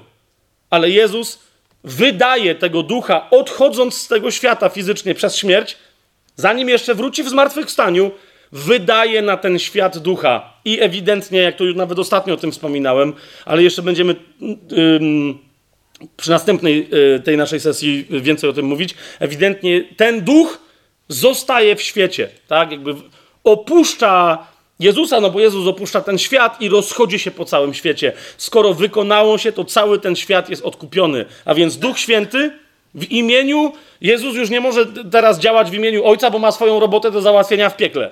Tak? Więc idzie po klucze do piekła. Natomiast na świecie zostaje kto? Zostaje drugi pocieszyciel. On jeszcze nie jest światu znany, tak? On jeszcze nie jest dany tak jak w dniu pięćdziesiątnicy, ale jest, działa, funkcjonuje, bierze świat we władanie yy, dla syna i dla ojca. Yy, jasne? Jest o czym mówimy? Dobrze. I teraz, kochani, bardzo, bardzo, bardzo istotna rzecz. Ile to tam pokazałeś? Dwie godziny minęły? Dobrze. To, o czym, czyli mamy, zauważcie, jak ważne jest wierzenie w Jezusa, uwierzenie i wierzenie dalej czynne, jak ważne jest świadectwo, jak, co to znaczy, to wszystko, o czym mówiliśmy. Ale teraz kolejna bardzo istotna kwestia. Czytając tę Ewangelię, miejcie to w świadomości i też uczmy się z tej Ewangelii e, ostrzegania siebie i innych, tak? Że póki żyjemy w tym świecie, zwłaszcza wobec tych, którzy nie przyjęli dobrej nowiny, oni nie mają alternatywy nic albo dobra nowina. No, ich alternatywa to jest dobra nowina, wspaniała nowina, cudowna, genialna nowina, albo bardzo zła nowina. Rozumiecie, to nie jest tak, że, że my tylko mamy ej, mam dla ciebie superową rzecz, a jak nie, a jak nie, no to może kiedy indziej. To często w ten sposób funkcjonuje. Nie chodzi o to, żeby teraz latać i straszyć ludzi, bo jak nie przyjmiesz dobrej nowiny, to masz wryj. Nie, nie o to idzie, tak? Ale, ale my też, wiecie, e, w ramach głoszenia różnego rodzaju e, jakichś tam dysput, debat i tak dalej, powinniśmy też po prostu przestać się bać o tym. Niektórzy świecie się boją, że a, jest takie średniowieczne, coś tam mówić o jakimś piekle, o potępieniu wiecznym, o e, wiesz, to ludziom trzeba dawać dobrą nowinę i, potem stanę przed Panem Jezusem i co powiem? On mi pokaże, zobacz, 28 tysięcy ludzi przez ciebie poszło do piekła. Bo ci się nie chciało powiedzieć, nie pokazać im alternatywy, która obudziłaby ich do myślenia. I wiecie, ja się wtedy będę tłumaczył, no bo ja chciałem być miły? Oczywiście, wiecie, my mamy pewien problem dziś w kościele przez to, że łyknęliśmy pewien fałsz ze świata. Hmm? Wiele fałszów łyknęliśmy w kościele, ale ten jeden, o którym teraz mam, y, który teraz mam na myśli, to jest fałsz, że wrażliwość jest ważniejsza niż prawda. Okay? Wrażliwość na, na, na uczucia drugiego człowieka, że, że, że czyjeś uczucia mogą być urażone. Teraz wiesz, fałsz, bo teraz dlaczego świat tak robi, to ja to rozumiem. Tak? Bo ma pewne tam. Ale jeżeli chrześcijanin tak robi, to, to nie ma żadnego innego wyjaśnienia, jak tylko troska o, własną, o, o, o siebie samego i o własną chwałę. No dlaczego nie chcesz. E, no bo co to znaczy, że urazisz czyjeś uczucia? To, wiesz, to jest tak jak lekarz, który by nie powiedział choremu śmiertelnie na raka człowiekowi, że jest śmiertelnie chory na raka, bo nie chce urazić jego uczuć. O, o, jakiś czas temu Ktoś tam mi jako, jako żart pewien cytował, sprawdziłem to sobie. Rozumiecie, to jest e, jakiś tam komik. Wszyscy się zaśmiewali, że ha, super żart, tak? który, który powiedział, że dlaczego, yy, dlaczego mężczyźni yy, zdradzają kobiety. Nie tłumaczył, czemu kobiety zdradzają, dlaczego mężczyźni zdradzają kobiety. Mówi, bo je kochają. Jak, jak to? Mówi, no po prostu, no, no, kochają te kobiety, ale nie za bardzo zaznają z nimi szczęścia, więc żeby nie urazić ich uczuć, zaznają tego szczęścia gdzie indziej, nic im o tym nie mówiąc. Żeby nie urazić ich. I wszyscy, to, ale bardzo dobre. No, teraz widzę, że tak nie bardzo wam się żart podoba, no nie? Ale rozumiesz, a na czym innym polega to, że my nie mówimy całej prawdy o tym, co się stanie po śmierci z człowiekiem? Jeżeli nie właśnie na tym, rozumiecie, czy, czy nie ma tam dokładnie tej samej logiki pokrętnej? Że ktoś zdradza żonę, bo nie chce jej wprost powiedzieć, że nie jest z nią szczęśliwy, bo nie chce urazić jej uczuć? To jest dokładnie to. To jest dokładnie lekarz, który się dowiedział, że ma śmiertelnie chorego na raka pacjenta. Co więcej, kapujesz, on ma lekarstwo. Tylko się boi, bo, bo nie wie, jak zareaguje pacjent. Może go zwyzywać i powiedzieć, ale dziadowski lekarz, wcale nie wierzę w twoją diagnozę. No ale co z tego? Tak? No, diagnoza jest jaka jest. I teraz, jeżeli pacjent boisz się, że źle zareaguje na twoją diagnozę, w związku z tym mu jej nie przekażesz, to wtedy na kim ci zależy? Na nim czy na sobie? Rozumiecie, o czym mówię? Na kim ci zależy? I e, w tej Ewangelii ostrzeżenie przed odrzuceniem świadectwa, tak sobie tu zapisałem, i pobadnięciem w niewiarę jest bardzo, bardzo, bardzo mocne. Bardzo mocne. Okay? Bardzo mocne. Eee... Powiedziałbym wręcz, skoro mówiliśmy o świadectwie, widzicie, świadectwo wywołuje, jak mówimy świadectwo, mówiliśmy dopiero co o świadectwie. Ten, kto daje świadectwo, jest świadkiem. I teraz widzicie, my też musimy sobie zdawać sprawę, że kiedy my stajemy wobec świata jako świadkowie, to automatycznie rozpoczyna się nasz proces. Tak? I, i mamy jedną prawniczkę, widzę, że jej się tutaj wśród, na, przynajmniej jedną, i widzę, że jej, ale to znam, jej się spodobało. O, to interesujące. Pa, pamiętaj, jak stajesz przed sądem normalnym, takim wiesz, takim w świecie, tak? To, to, to naprawdę w tym sądzie przysięgasz, że będziesz mówić prawdę i tylko prawdę. I nie interesuje cię, czy obrazisz czyjeś uczucia. W Ewangelii Jana Jezus jest, który siebie przedstawia jako świadka, a potem mówi: Wy macie być moimi świadkami. Tak? On wyraźnie mówi, prawdopodobnie mówi, nie jest uczeń większy od swojego mistrza. Jak mnie to zrobili, to i wam to zrobią. Ale pamiętaj, dlaczego? Ponieważ ty, Jezus mówi, masz być takim samym świadkiem tego samego, czym ja jestem. Tak? Będąc moim świadkiem, jesteś świadkiem woli Ojca. Jesteś świadkiem nowego świata, który, który nadchodzi. Po, po prostu. I więc wobec tego starego świata, który nie chce słyszeć, jaki koniec go czeka, nie chce też się przenieść nikt, te, jeżeli się ktoś nie chce przenieść ze starego do nowego, to będziecie prześladować z tego powodu. Ale to cię nie zwalnia z mówienia prawdy, bo jesteś świadkiem. I Jezus, rozumiecie, mimo że nikt tego oficjalnie nie mówi, aż do końca jego życia, kiedy się odbywa kompletnie niepoważny sąd, nie tylko, że niezgodny, wiecie, Rzymianie go sądzą zupełnie nie chcąc według prawa rzymskiego go sądzić, tak? Tylko Piłat na końcu się odwołuje do prawa żydowskiego, tak? Po czym, po tym jak Jezus został osądzony w sposób kompletnie y, niezgodny z prawem ani napisanym w Biblii, ani z Torą, ani z Talmudem, ani z Miszną, ani z czymkolwiek, z jakąkolwiek tradycją żydowską, tak? I w tej Ewangelii zresztą y, jest parę momentów, kiedy nawet nie przy końcu życia Jezusa, tak? Kiedy między innymi Nikodem zwraca uwagę Sanhedrynowi i mówi, że ej, nasze prawo mówi wyraźnie, że nie tak się robi człowiekowi. I to jest moment, kiedy jak, jak, on to mówi, że, że nie możemy kogoś oskarżyć i go z góry skazać, niekoniecznie na śmierć, na cokolwiek, bez wysłuchania jego racji, to, to jeszcze wtedy, kiedy Nikodem o tym mówi, zobaczcie to w tej Ewangelii, jak to znajdziecie, tak? To, to wtedy Sanhedryn się rozchodzi i mówi, co ty, też też być jego uczniem i wszyscy, okej, okay, dobra, tak? Wszyscy się rozchodzą. No ale potem ta cała sprawa Jezusowa to jest, to jest farsa, a nie sprawa, tak?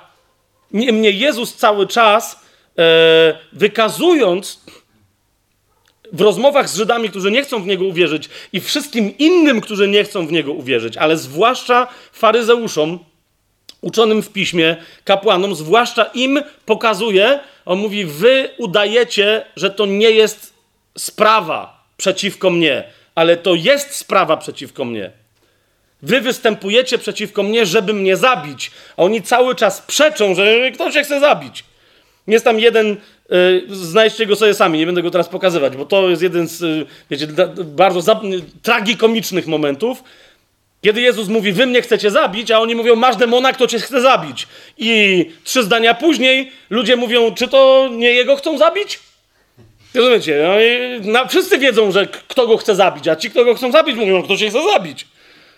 Jezus mówi, no wy mnie chcecie zabić, chyba masz demona, a oszalałeś. Więc oni cały czas przeczą temu, że, osąd, że, że właśnie próbują nie tylko oskarżyć, ale i osądzić w zgodzie z tym swoim oskarżeniem yy, Jezusa. A Jezus mówi, że jest prawdziwym świadkiem.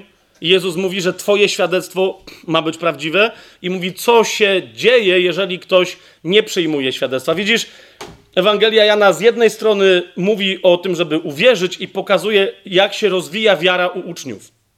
Ok? Ale zwróćcie uwagę na drugą rzecz, że jednocześnie Ewangelia Jana jest pokazaniem, jak się rozwija niewiara u tych, którzy zaczęli decydować, żeby w Jezusa nie uwierzyć. Ok? I jak to się kończy. Znaczy, to są dwa procesy. Jak się wiara rozwija, popatrz na kogokolwiek. Filipa, yy, Jana samego, Piotra, od początku Ewangelii do końca. Jak się rozwija ich wiara. Ok? Przez jakie przechodzi trudności, ale jak się rozwija. I zauważ, jak się rozwija niewiara. W Ewangelii Jana, yy, podobnie jak w całym yy, Nowym Testamencie, niewiara nie jest brakiem wiary. To jest kolejna rzecz. Niewiara jest czymś aktywnym. Jest czymś, co się sprzeciwia aktywnie wierze. Co, co ma swój wyraz w konkretnych e, przekonaniach, działaniach, akcjach.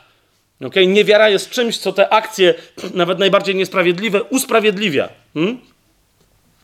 Zobaczcie e, najpierw trzeci rozdział, ostrzeżenie pierwsze, no nie, nie pierwsze, ale, ale takie ewidentne, jasne i mocne. Trzeci rozdział Ewangelii Jana, 17 i 18 werset. Bóg nie posłał swojego syna na świat, żeby potępił świat, lecz żeby świat był przez niego zbawiony.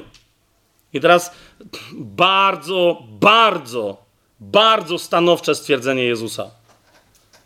18 werset. Kto wierzy w niego, czyli w syna Bożego, nie będzie potępiony.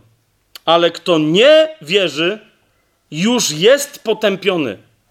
Zauważ, nie ze względu na swoje grzechy, na litość boską, jak wiele się odbywa debat chrześcijan z niechrześcijanami, chrześcijan z antychrześcijanami, którzy opowiadają jakieś bajendy o tym, że Bóg posyła ludzi do piekła za ich grzechy, że Bóg karze ludzi za ich grzechy.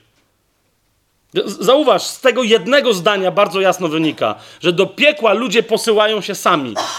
Dlaczego? Bo mają tylko jeden grzech na sumieniu, a ten grzech polega na tym, że nie chcieli uwierzyć w coś, co jest ewidentną prawdą.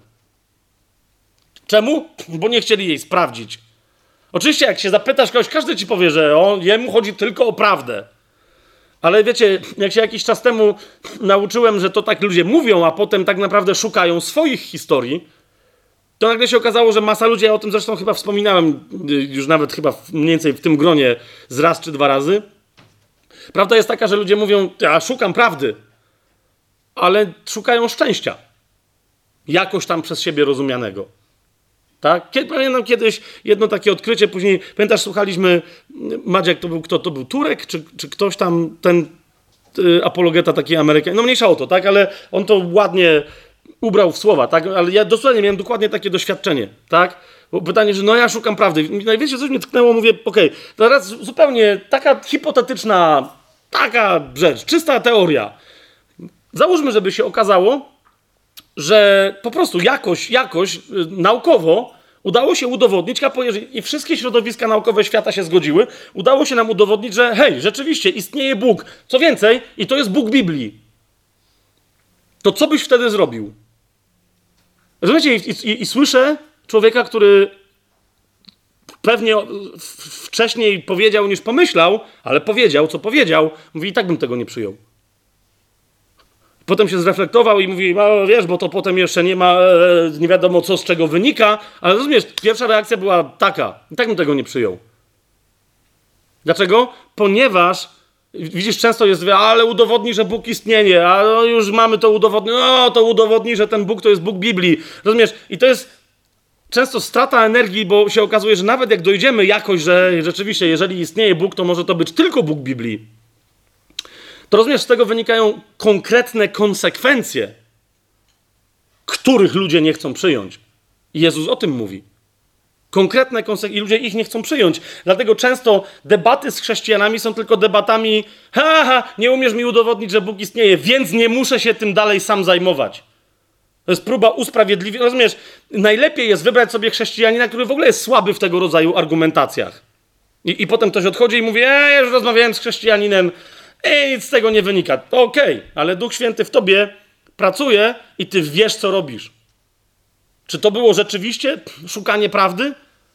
Czy wiesz, udanie się na debatę, na której ktoś może mieć lepszy albo słabszy dzień, ktoś jest lepszym albo gorszym retorem, wiesz, mówcą takiego czy innego rodzaju, czy to, to, to jest szukanie prawdy? Rozumiesz, jeżeli chcesz sprawdzić, czy twoje dziecko ćpa, to, to, to, zorganizujesz wtedy, ale załóżmy, że jest, wiesz, błyskotliwe i fantastycznie przemawia, zorganizujesz debatę pomiędzy nim a na przykład twoją córką, a jego siostrą, która nie, nie jest najlepsza w mówieniu, ale widziała, że ćpa. Wiesz o co mi chodzi? I teraz zorganizujesz debatę, okej, okay, teraz się kłóćcie. Kto wygra, temu uwierzę. Serio? Nawet nie sprawdzisz, czy, czy, czy ma przekłute żyły, rozumiesz, na ręce? Nie sprawdzisz? Tylko zrobisz debatę? Więc jeżeli ktoś szuka prawdy, nie zasłania się. Inna rzecz, że chrześcijanie też nie powinni się zasłaniać wygranymi debatami przez takiego czy innego tam zawodnika. Tak? Po prostu. Bo, bo, prawdy to może kogoś pobudzić. Nie chodzi mi o to, żeby nie było debat, bo to może pobudzić kogoś do, rozumiecie, do szukania i poznania prawdy. Ale jeszcze raz, nie ma co na tym wisieć, ponieważ prawdy każdy szuka tak, jak szuka w swoim życiu. Kiedy naprawdę szuka, to, to wie, jak szuka. Hmm? Jeżeli, jeżeli więc ktoś na, nawet na tej sali byłby, nie wiem, yy, wierzący czy niewierzący, ale szukający, to, to, to sprawdź, czy Twoje szukanie prawdy na temat Boga objawionego w Biblii i, i, i dobrej nowiny, którą głosimy, czy jest takim szukaniem, jak kiedy szukasz prawdy co do innych rzeczy, czy szukałaś, czy szukałeś, które były dla ciebie istotne w życiu. Czy, czy jest jakiegoś innego rodzaju e, dziwnym, e, dziwnym procesem. Jezus mówi wyraźnie, że, że on nikogo nie potępia, ale ludzie sami się na to decydują. Zobaczcie dalej, 19 i 20 werset. Potępienie polega na tym, że światłość przyszła na świat, ale ludzie umiłowali ciemność bardziej niż światłość, bo ich uczynki były złe. Każdy bowiem, kto źle czyni, nienawidzi światłości i nie idzie do światłości, aby jego uczynki nie były zganione ale kto czyni prawdę, przychodzi do światłości, aby jego uczynki były jawne, że w Bogu są dokonane. A jak nie są dokonane, to są ujawnione i wtedy za nie pokutuje i, i wie, że potrzebuje zbawcy, ponieważ te uczynki go obciążają na zawsze. I jeżeli nie przyjmie zbawienia w Jezusie, to będzie nimi obciążony. I tyle. Bóg nam daje rozwiązanie na to, że my jesteśmy obciążeni ciemnością. Jesteśmy obciążeni ukochaniem yy, kochanki, którą jest ciemność przeciwko naszemu prawowitemu małżonkowi, którym jest Bóg, Jahwe, przez Jezusa przedstawiony. Więc to, rozumiesz, to jest decyzja człowieka. Hmm? To jest decyzja człowieka. Jeżeli widzisz, że ktoś nie chce tej decyzji podejmować, nie trać czasu na głoszenie mu Ewangelii, tylko popatrz, kogo innego ci Duch Święty pokazuje. Lub tego zostaw dokładnie z tym, tak? Po prostu. Nie, nie, nie, nie, nie ma co się, wiesz, wdawać w, w dysputy z kimś, kto wcale nie szuka prawdy. Prawdy, którą jest Jezus, o to mi chodzi. Zostaw go tylko wtedy z tym, że posłuchaj, mnie się nic nie stanie, jeżeli ty nie znajdziesz prawdy. Po prostu. Teraz, według mnie, nie szukasz prawdy. Szukasz jakiegoś czegoś zastępczego, co ma zastąpić prawdę, jakieś podróbki prawdy i myślisz, że to wystarczy, ale po prostu przyjdzie moment, kiedy prawda cię skonfrontuje. Tyle. Piąty rozdział Ewangelii Jana. Yy, otwórzmy sobie.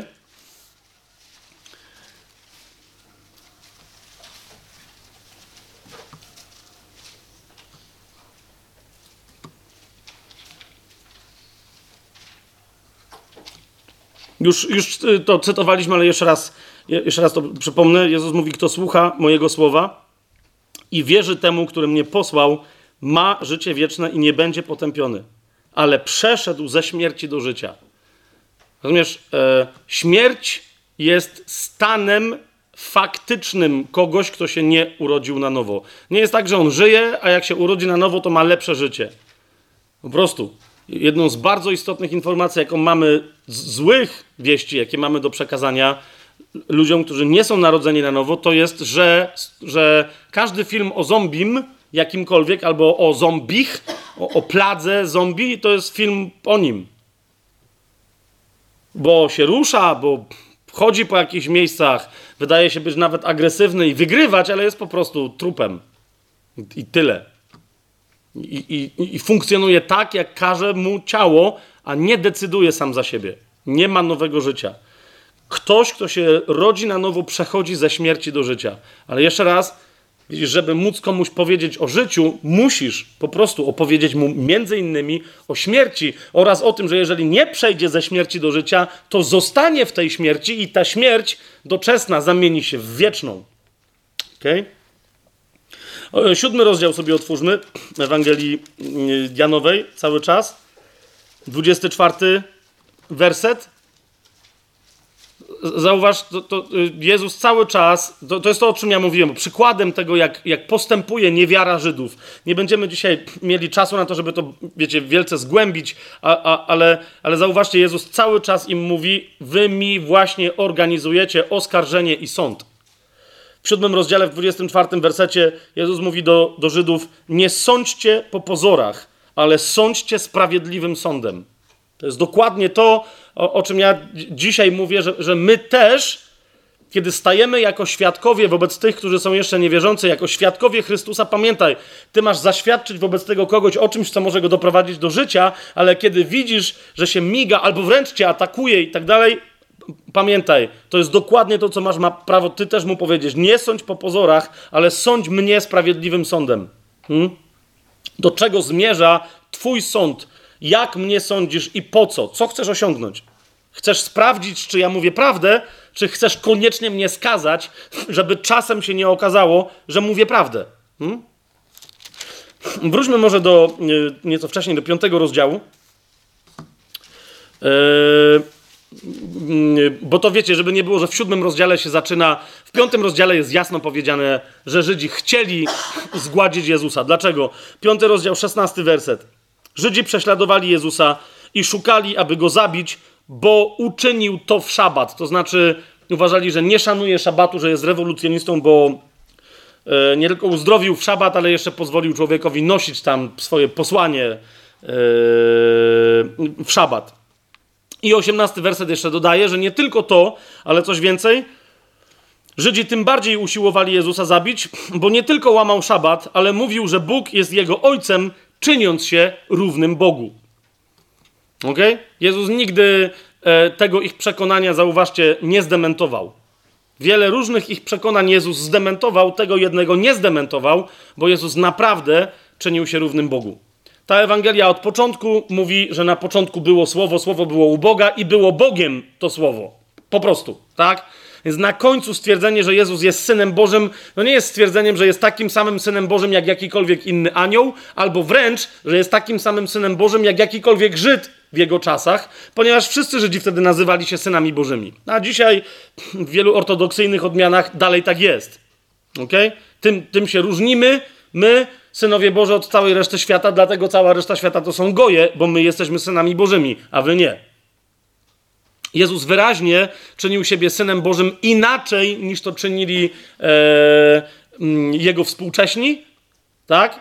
Bo oni mówili, że są synami Bożymi, ale nikt nie śmiał powiedzieć, nikt, że Jezus jest jego lub jej ojcem. Tak? To było takie określenie.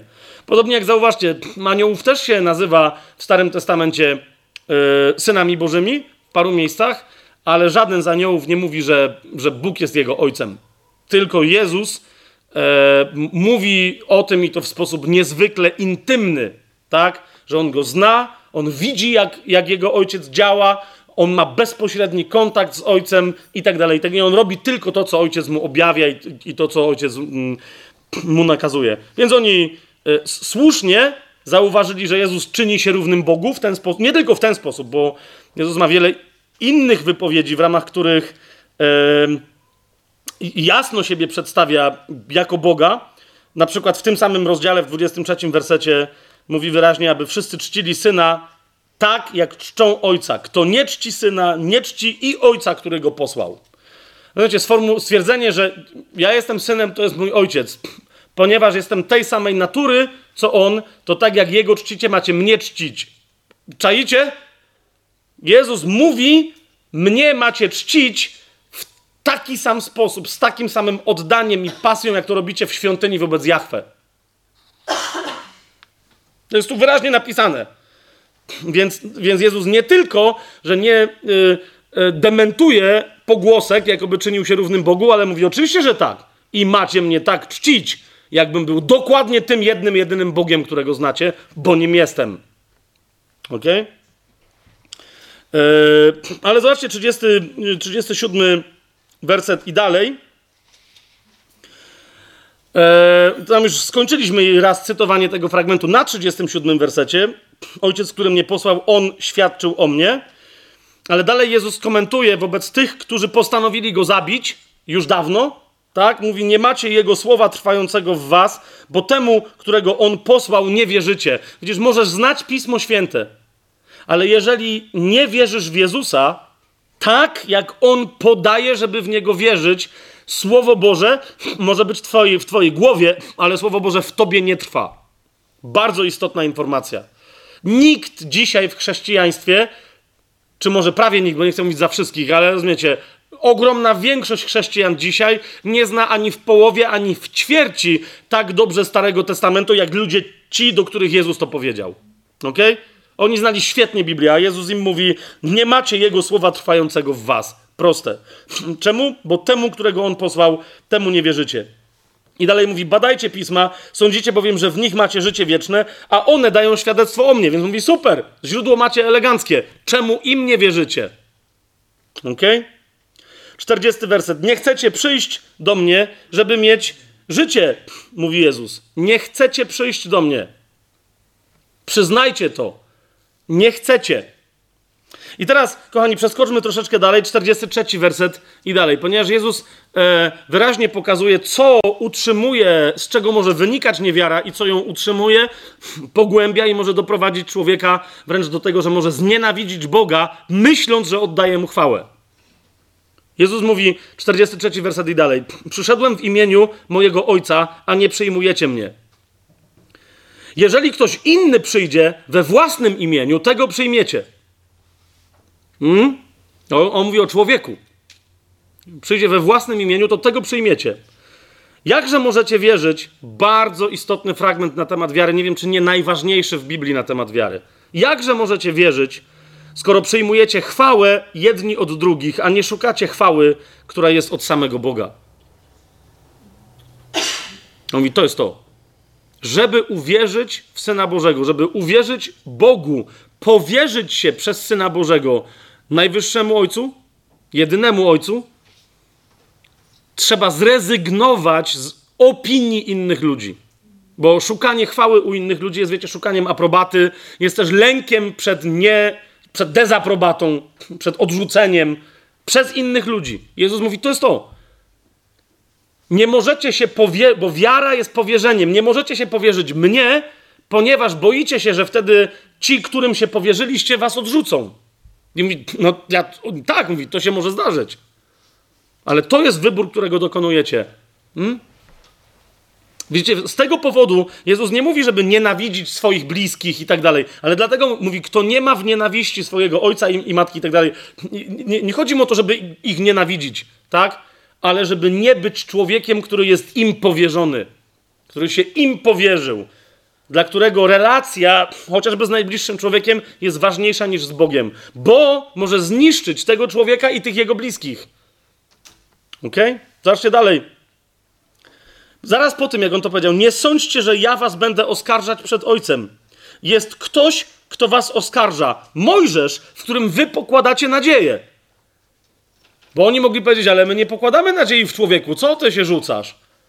Nie lubimy swoich matek. Nie cierpimy swoich ojców. Są takie same faryzeusze jak my. Nikogo nie lubimy, ale Mojżesza kochamy i w nim pokładamy nadzieję. To jest nadal człowiek. Jemu Jezusowi o to chodzi. To jest nadal człowiek. I mówi, i on cię oskarży. Bo gdybyście, 46 werset, gdybyście wierzyli Mojżeszowi, wierzylibyście i mnie, gdyż on pisał o mnie. Mówi, masz, zauważ, nawet świadek Jezusa możecie odwieść od Jezusa, jeżeli zawierzysz się świadkowi Jezusa, a nie Jezusowi. Ok? No mówi, Mojżesz pisał o mnie, ale wy chcecie się powierzyć Mojżeszowi, a nie temu, o którym on świadczył. 47 werset. Jeżeli jednak nie wierzycie Jego pismom, jakże uwierzycie moim słowom? Moje słowa są konsekwencją tego, co Mojżesz zapowiadał, ale wy. I teraz zauważcie, co się dzieje. On mówi: wierzycie w coś, co chcecie wierzyć, że było w Mojżeszu. No zauważcie, w 45 wersecie mamy wyraźnie powiedziane, że oni pokładali nadzieję w Mojżeszu, ale zauważcie, 47 werset, nie wierzycie jego pismom. On mówi, to, to, to, jeżeli przez świadka Jezusa nie dotrzesz do Jezusa, to prawdopodobnie ze świadka Jezusa zrobiłaś albo zrobiłeś sobie w sercu kogoś, kim ten świadek nie był i nie jest. Wiecie, czasem się ktoś pojawia i mówi, a bo ludzie idą za tym czy tamtym nauczycielem i próbują obarczyć win. Czasem tak jest, że są, wiecie, nauczyciele, przywódcy e, w kościele i nie w kościele różnych nurtów i tak dalej, którzy szukają swojej chwały. Się z tym zgadzam.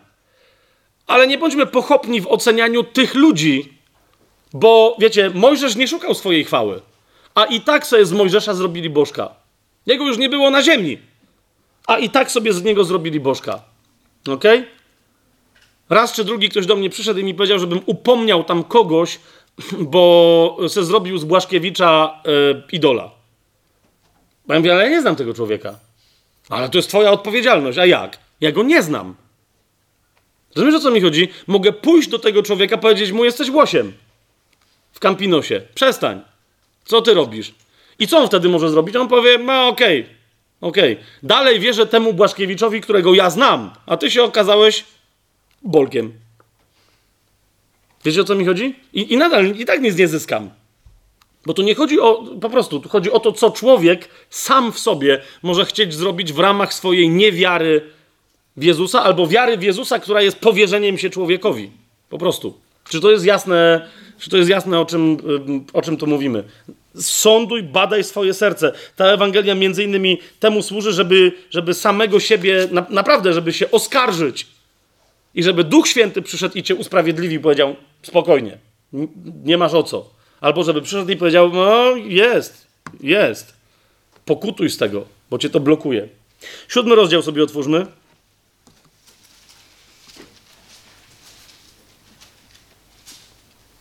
Zauważ, co, o, o czym mówi Jezus, który siebie przedstawia jako świadka. Siódmy rozdział, 16 i 17 werset. Jezus mówi: Moja nauka nie jest moja, ale tego, który mnie posłał. Coś nieprawdopodobnego, co się dzieje w 17 wersecie. Jeżeli ktoś chce wypełniać jego wolę, ten będzie umiał rozeznać, czy moja nauka jest od Boga, czy ja mówię sam od siebie. To jest kolejna rzecz. To jest kolejna rzecz. Jak często się chrześcijanie o coś kłócą, albo wiesz, czasem jest tak, że jeden myśli o drugim, że jest chrześcijaninem, a my czasem zapominamy, że mamy w naszych szeregach fałszywych braci mieli za czasów, zaraz po, po tym, jak, rozumiesz, zaraz po pięćdziesiątnicy mieli fałszywych braci, zawsze byli. Ale my, wiesz, bazujemy na słowach i tak dalej. Badaj siebie, czy ty jesteś kimś, kto chce pełnić wolę Bożą.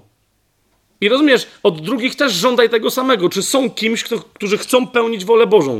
Jeżeli tak jest, to zrozumienie nauki Jezusa, tego, co się dzieje w Biblii, jest proste.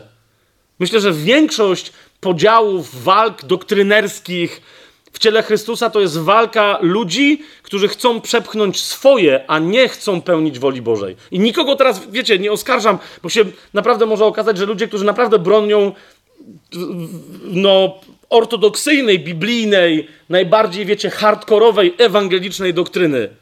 I może się okazać, że nie, jest błąd w tym, co oni mówią, niczego bronią, tylko jak to robią i jaki jest owoc tego, że robią to, co robią.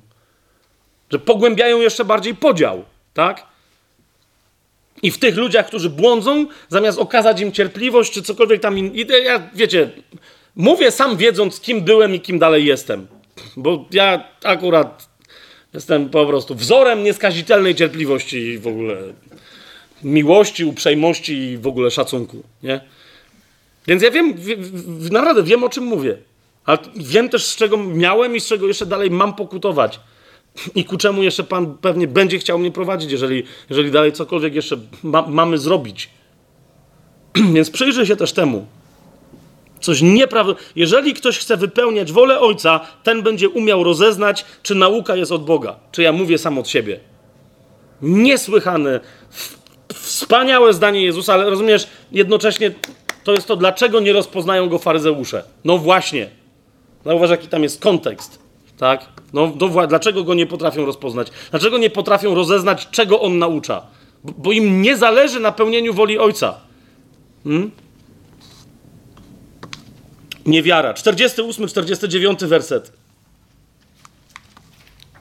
Tam, wie, wiecie, kohorta świątynna dostała rozkaz, e, żeby pojmać Jezusa i go nie pojmali, mimo że mogli. Zobaczcie, 45 werset. Wtedy wrócili w siódmym rozdziale, 45 i dalej. Wtedy słudzy wrócili do naczelnych kapłanów i do faryzeuszy, którzy ich zapytali, dlaczego go nie przyprowadziliście. Słudzy odpowiedzieli, nikt nigdy nie mówił tak jak ten człowiek. Rozumiecie, nawet ci byli poruszeni. Tak?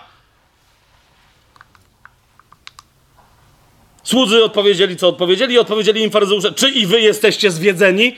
Obczajacie? Kto to mówi? Czy i wy jesteście zwiedzeni? To jest to, dlaczego ja tego słowa, którym niektórzy tak łatwo szastają w chrześcijaństwie, zwiedzenie, zwiedzenie, jesteś zwiedzony, bo i oni wszyscy są zwiedzeni. Nie cierpię tego słowa. Bo to tu macie dokładnie mistrzów od zwiedzenia. Czy i wy jesteście zwiedzeni? Hmm? Czy, I teraz zauważcie, jaki jest ich argument. Bo ci, wiecie, mają takie pytanie, no ale gdzie tu jest zwiedzenie? Po prostu nie przyprowadziliśmy wam chłopa, tak? I teraz zauważcie, gdzie jest argument. W piśmie, w ocenie dzieł Jezusa, w ocenie jego postawy moralnej, w ocenie jego nauczania? Nie. Zobaczcie, jaki jest argument. Czy ktoś z przełożonych albo z faryzeuszy uwierzył w niego? Pytam się. Czy, yy, pytam się,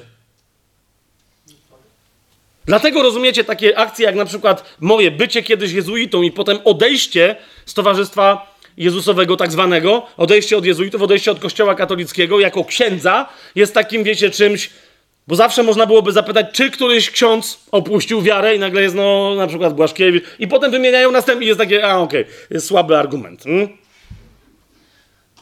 Dlatego takie rzeczy się wycisza. Czemu? Wszędzie tam, gdzie wiara... Yy, nie jest wiarą Bożą, ale jest, jest, jest zaufaniem ludziom i oparciem się na ludzkiej opinii, szukaniem chwały od ludzi, a nie chwały od Boga i chwały Bożej. To tam zawsze, rozumiecie, ludzie żonglują argumentami e, ludzkimi. Zrozumcie też z drugiej strony, wiesz, ktoś wychodzi i mówi, a Kościół katolicki, rzymskokatolicki jest zły, bo jakiś ksiądz był pedofilem. Rozumiesz, tak samo to jest bezsensownym argumentem, tak? W sensie, to, że ktoś coś zrobił w swoim życiu grzesznego, nie, nie, jaki, co to ma wspólnego z nauczaniem Kościoła rzymskokatolickiego, tak? Porównaj nauczanie tego Kościoła z Biblią i zobaczysz jasno, że po prostu, że, że, to, że to cię ma nijak w wielu momentach, tak? A, a, ale rozumiesz, oskarżanie, że bo ksiądz coś zrobił czy nie zrobił, po prostu. To, to jest argument ludzi, którzy nie wierzą Bogu, nie wierzą Pismu, nie wierzą Duchowi Świętemu, tylko wierzą ludziom. I, i, i rozumiecie, yy, czy to będzie. To jest w najbardziej ewangelicznym środowisku. Zobaczysz, co się dzieje. Tak? Wszystko gra, i nagle okazało się, że tak jak wiecie, w Stanach Zjednoczonych, tak? Jakiś tam. Nie tylko w Stanach, ale no, jak powiem, że w Stanach, to wiecie doskonale, i pewnie będziecie mieli przykłady, gdzie w Stanach, że jakiś tam pastor pa, taki święty był i zdefraudował wszystko. Tak? I nagle się dowiaduje, że z, tego jego zboru, który miał, no, mniejsza to, bo będziecie no ale w każdym razie, że 50% ludzi odeszło zgorszonych, tak? Z nich jakaś część poszła do innych zborów, a jakaś część powiedziała, a w ogóle chrześcijaństwo to jest do kitu. W sensie Bogu niech będą dzięki, że poszli, bo nie byli żadnymi chrześcijanami. Rozumiesz, jeżeli ich wiara była wiarą w nieskazitelność człowieka, o to mi chodzi. I to tak jest wszędzie, tak? Buddysta zgorszony swoim tam braminem, czy kim, czy hinduista, kogo tam oni mają, tak? Katolik zgorszony swoim księdzem i tak dalej. Nie chodzi mi o to, że to są prawdziwe wiary, tylko chodzi mi o to, że to są przykłady. Jeżeli człowiek cię gorszy, to znaczy, że, że jemu się powierzyłeś. I jego nieskazitelności, jego świętości, jego prawdzie, a nie Bożej prawdzie. Tak? Nawet jakby wszyscy chrześcijanie na świecie dzisiaj mieli się okazać szmaciarzami i szmaciarami najgorszego sortu, to po prostu Boga proszę o to, żebym nie na tym bazował, tylko na prawdzie Jego słowa, na prawdzie tego, kim On jest we mnie i żebym dzięki temu był w stanie cokolwiek zmienić w życiu tych szmacianych chrześcijan. Rozumiecie, o co mi chodzi? A nie, żebym się miał tym zgorszyć, że wszyscy wierzący w Jezusa okazali się w taki czy inny sposób niewierni. Po, po prostu, bo to nie ma naprawdę, to nie ma niczego do rzeczy. Zauważ, w pewnym momencie jedynym Bożym człowiekiem na świecie był tylko Jezus. Jedynym człowiekiem na całym świecie był tylko Jezus. Prawda nie ma niczego wspólnego z demokracją i z większością głosów w parlamencie tego czy innego sortu. Po prostu. Jest takie teksańskie powiedzenie, które zawsze mi się bardzo podobało. Jeden odważny zawsze stanowi większość. Tak? Ja, ja bym powiedział w tym wypadku, jeden reprezentujący prawdę zawsze stanowi większość. Po, po, prostu. Więc my mamy, naszym zadaniem jest szukać prawdy, a prawda to jest żyjący Jezus. Ok? Cała reszta do tego i wobec tego ma być, yy, ma być konfrontowana. Ósmy rozdział sobie otwórzmy.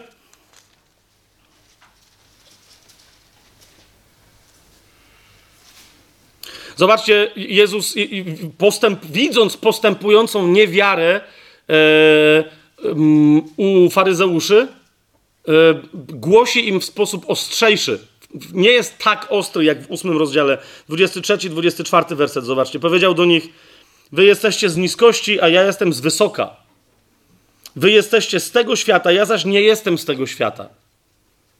Dlatego wam powiedziałem, że umrzecie w swoich grzechach, bo jeżeli nie uwierzycie, że ja jestem, umrzecie w swoich grzechach. No, to wiecie, to on, to Jezus to po, po, po aramejsku powiedział, nie po grecku, tak? Więc, a to, to, to, był w zasadzie mówiony hebrajski, więc jeżeli on powiedział, jeżeli nie uwierzycie, że ja jestem, on po prostu pokazał na siebie i powiedział, jeżeli nie uwierzycie, że oto stoi przed wami Jahwe i we mnie jako w niego nie uwierzycie, no to umrzecie w swoich grzechach. Co wy na to?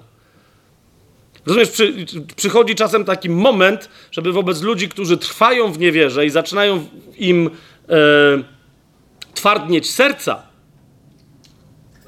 że, żeby się przestać krygować. Po, po prostu, żeby się przestać krygować. Mamy chrześcijan, którzy się boją powiedzieć, swoim dzieciom, bliskim, ludziom ze swojego kościoła, że ich trwanie w grzechu, nie, niektórych, którzy myślą, że ukrywają albo że coś tam, że się może źle skończyć dla ich bliskich albo dla nich, włącznie z fizyczną śmiercią. Ok? To, tolerowanie. Yy, po, po, prostu czyjegoś, wiecie, ukrywanego alkoholizmu, a przynajmniej żony nie bije. To jest owoc Ducha Świętego według ciebie? Bo chleje dalej. Nie, rozumiesz, ona, nie, ona no, jeszcze jest młoda, nawróciła się, miała 23 lata, teraz ma 27, ale to wiesz, młodość się tak czy siak musi wyszaleć, Bóg to rozumie. Ale ty to rozumiesz, że jak ona jeszcze raz weźmie taką dawkę dopalaczy jak ostatnio, to może nie wstać? To po prostu, bo mówimy o, o życiu młodej chrześcijanki, która czasem ma nawroty do ćpania. Rozumiesz? I to jest takie, no okej, okay, no ale co my możemy, jak nic nie możecie, to po prostu to, to jasno to powiedzcie, ale niech to nie będzie usprawiedliwienie. To wołajcie, mówiąc, nic nie możemy, panie, ale ty możesz. Po prostu. Podobnie jak wiecie, czasem takie nasze krygowanie się wobec ludzi ze świata. Kapujesz? Kiedy ostatnio zdarzyło ci się powiedzieć komuś nie z wyższością, tak? Z pokorą, ale prawdę, że ty jesteś z wysoka, a on jest z niska. Że ty jesteś z nieba, on jest, no jeszcze nie z piekła, ale już niedługo. A on jest z ziemi. I że jeżeli nie uwierzy tak jak ty wierzysz, to umrze w swoich grzechach. I nie zniknie. Nie zamieni się w drzewo po śmierci. Przez rozłożenie, zjedzenie przez robaki, wydalenie ich kupy i przyswojenie przez korzenie przez drzewo. Nie, nie zamieni się w drzewo. To nie będzie takie proste. Rozumiesz, o co mi chodzi? 46 werset w tym ósmym rozdziale.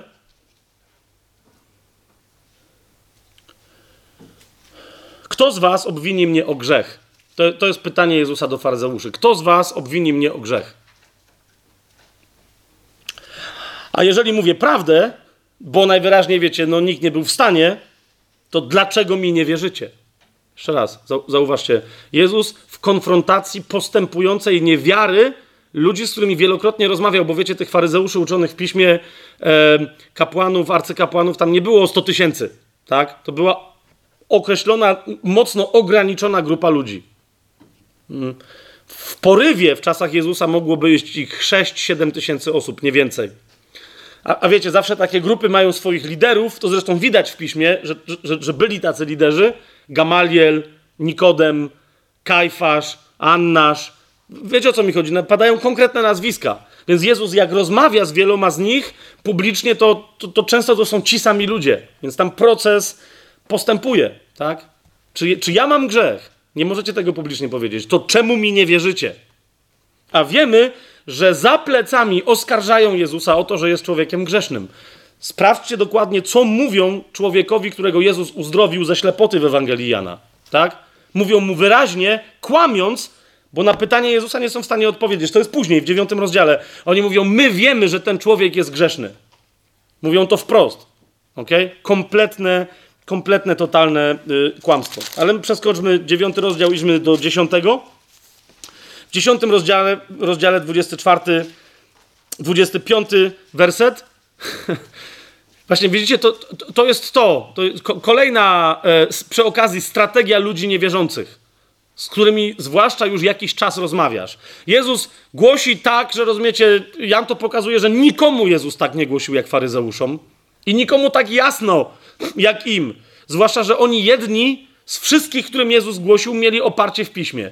I popatrzcie, 10 rozdział w 24 wersecie. Wtedy Żydzi obstąpili go i zapytali: Jak długo będziesz nas trzymać w niepewności? Jeżeli ty jesteś Chrystusem, powiedz nam otwarcie. Nigdy tego nie zrobiłeś. A Jezus im odpowiedział: Powiedziałem wam, ale nie wierzycie. Nie, nie wpędzajcie mnie w malinę, żebym znowu wam tu. Rozumiecie? Strategia, której wielokrotnie doświadczyłem. Gadam z kimś, gadam, gadam, gadam. Nie, nie, nie chodzi o to, że następnego dnia się spotykamy. W tej samej rozmowie, półtorej godziny później. Ale zaczekaj, e, bo jeżeli tak jest, jak mówisz, i pytanie pada to samo, co półtorej godziny wcześniej. Mówię, czekaj, ale mówiliśmy o tym. Eee, nie. Jeszcze raz. Mm -mm. Bo jeżeli ty nie wiesz, co ja mówiłem półtorej godziny temu, to znaczy, że nie wierzysz. Teraz się migasz. Po, po prostu. Ale ja nie pamiętam. No to, no to cóż, no to po co ci w ogóle wierzyć, jak ty za półtorej godziny nie będziesz pamiętać, że wyznałeś Jezusa Panem? Daj spokój. Jak masz Alzheimera, to się pomódlmy o uzdrowienie. 37, 38 werset, bo to jest cały czas tam jedna, wiecie, mocna e, walka. Zobaczcie, Jezus coraz mocniej konfrontuje. E, jeżeli nie wykonuje dzieł mojego Ojca, to mi nie wierzcie. Ale jeżeli wykonuje, choćbyście mnie nie wierzyli, wierzcie uczynkom, abyście poznali i uwierzyli, że Ojciec jest we mnie, a ja w Nim. Jeszcze raz. Wiesz, Jezus mówi, dobra, mniejsza o to, czy wierzycie w to, co mówię i w to, kim ja jestem. Ale skonfrontujcie sami siebie chociażby z tym, co robię.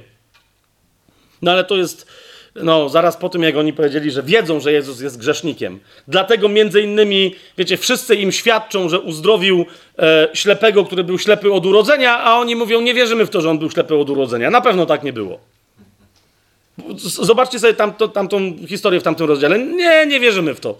Przychodzi on sam, przychodzą rodzice i on się zaczyna z nich nabijać. Mówi, mówi, ja wam mówiłem, a wy znowu nie wiecie, co ja mówiłem? I znowu chcecie, żebym wam powiedział, czy wy też chcecie być jego uczniami? I oni tam zaczynają bluzgać na niego, że tyż, maciarzu, w grzechach się urodziłeś i w grzechach pomrzesz. Rozumiecie? Wszystko wiedzą najlepiej na temat zwłaszcza nie swojej grzeszności. Jedenasty rozdział, 45 yy, werset i następne. To, to są, wie, wiecie, to są kolejne tragiczne historie, których my, które my też obserwujemy w chrześcijaństwie i nie chcemy się z nimi konfrontować. 45 werset. Wielu więc z Żydów, którzy przyszli do Marii i widzieli to, czego Jezus dokonał, uwierzyło w Niego. Lecz niektórzy z nich odeszli do faryzeuszy. Chodzi o, wiecie, wskrzeszenie Łazarza, tak? No to już jest, y, to jest, to jest szczyt znaków e, w doczesnym życiu Jezusa, tak? Wskrzeszenie Łazarza w Ewangelii Jana. Więc oni to widzieli i uwierzyli w Niego. Lecz niektórzy z nich odeszli do faryzeuszy i powiedzieli im, co Jezus uczynił. Wtedy naczelni kapłani i faryzeusze zebrali się na naradę i mówili, co zrobimy? Teraz zauważcie, jak to jest, to jest, jak to jest ja nie, naprawdę, to jest jedna z rzeczy, których nie rozumiem, co się tam stało. Bo wiecie, oni udają, mówią, że my nie wierzymy, Jezus, jakie cuda. To, a, zauważcie, oni nie mówią, że, że uważają, że Jezus czyni cuda przez Belzebuba czy coś takiego. Oni wiedzą, że Jezus czyni prawdziwe cuda. Co zrobimy, bo ten człowiek czyni wiele cudów, kropka. Rozumiecie? Są ludzie, którzy wcześniej w tej, tej Ewangelii tłumaczą, że nie, nie, nie, jego cuda to są podróby, to są jakieś grzeszne działania. Po prostu. Bo, rzeczywiście cuda... Zau- Zauważcie, co Nikodem mówi na początku yy, w trzecim rozdziale, za- zanim tu będziemy kontynuować. Zobaczcie, w trzecim rozdziale, jak, jak rozpoczyna dostojnik żydowski, tak? Trzeci rozdział, drugi werset. Zobaczcie, co on mówi. Mistrzu, w liczbie mnogiej, bo on przychodzi reprezentując innych z Sanhedrynu. Mistrzu, wiemy, że przyszedłeś od Boga jako nauczyciel. Nikt bowiem nie mógłby czynić tych cudów, które ty czynisz, gdyby Bóg z nim nie był. Ok? I teraz chodzi mi o to, że oni później nie zmienili zdania. W 11 rozdziale, w 47 wersecie, co zrobimy, bo ten człowiek czyni wiele cudów. Jeszcze raz, jeżeli czyni cuda, tak jak oni je rozumieli, to znaczy, że przyszedł od Boga. Ale 48 werset. Jeżeli go tak zostawimy, wszyscy uwierzą w niego, uważajcie, i przyjdą Rzymianie i zabiorą nam to nasze miejsce i nasz naród. Po prostu. O co tu chodzi? Oni mówią, dobra, tu jest jakiś gość, prawdopodobnie przyszedł od Boga. A w każdym razie moc Boża przez niego działa, skoro czyni cuda. Ale co chcesz się powiedzieć, że naród wybrany nie jest Boży? Że świątynia nie jest Boża? A więc z dwóch rzeczy, które wydają się, że są Boże, wybie- wybieramy te, które są nam powierzone. Zostawiam Tobie refleksję na temat tego, jak często spotykamy się z tego rodzaju postawą w chrześcijaństwie. Prześlesz tylko historię ruchów czy denominacji chrześcijańskich, które, które wiecie, początkowo było, były zrywem powrotu do czystej Ewangelii. Począwszy od Lutra, luteranizmu, e, poprzez, wiecie, historię typu metodyści, oryginalny ruch zielonoświątkowy i tak dalej, anabaptyści, baptyści, o kim Wesleyowcy, no, chociaż w Hernhut to nie wiem, co się tam dalej działo. Hmm? Ale wiesz o co mi idzie? Że, że masz coś, co na początku jest, wiesz, ogniem czystej Ewangelii, po jakimś czasie, jak ktoś przychodzi i mówi, dobra, ale to jeszcze, jeszcze w Ewangelii jest coś, i oni nagle mówią, ale myśmy na to nie wpadli, to skoro ty na to wpadłeś, to won. Wystarczy to, na co my wpadliśmy. I teraz, jeszcze raz, nie chodzi mi o to teraz, że a, czyli nie chodzi o to, żeby ponazywać tych wszystkich winnych tego rodzaju postawy, tych wszystkich innych faryzeuszy, tylko żebyśmy my też sobie zauważyli faryzeuszy, rozumiesz? Bo jak przyjdzie kolejny prorok, kolejny Boży człowiek, mężczyzna czy kobieta, o, no masz. Wiesz, jak ktoś został w, w, w głębi przekonania, że nie może przyjść kobieta od Boga, no to coś czuje, że na pewno ją spotka. Właśnie tą, co nie mogła przyjść od Boga. Dwunasty rozdział i, i będziemy powoli dziś już kończyć. 37 werset i dalej. Rozumiecie, y, to, to już jest koniec. Ja potem wyjaśnię, dlaczego to jest koniec, ale to jest koniec.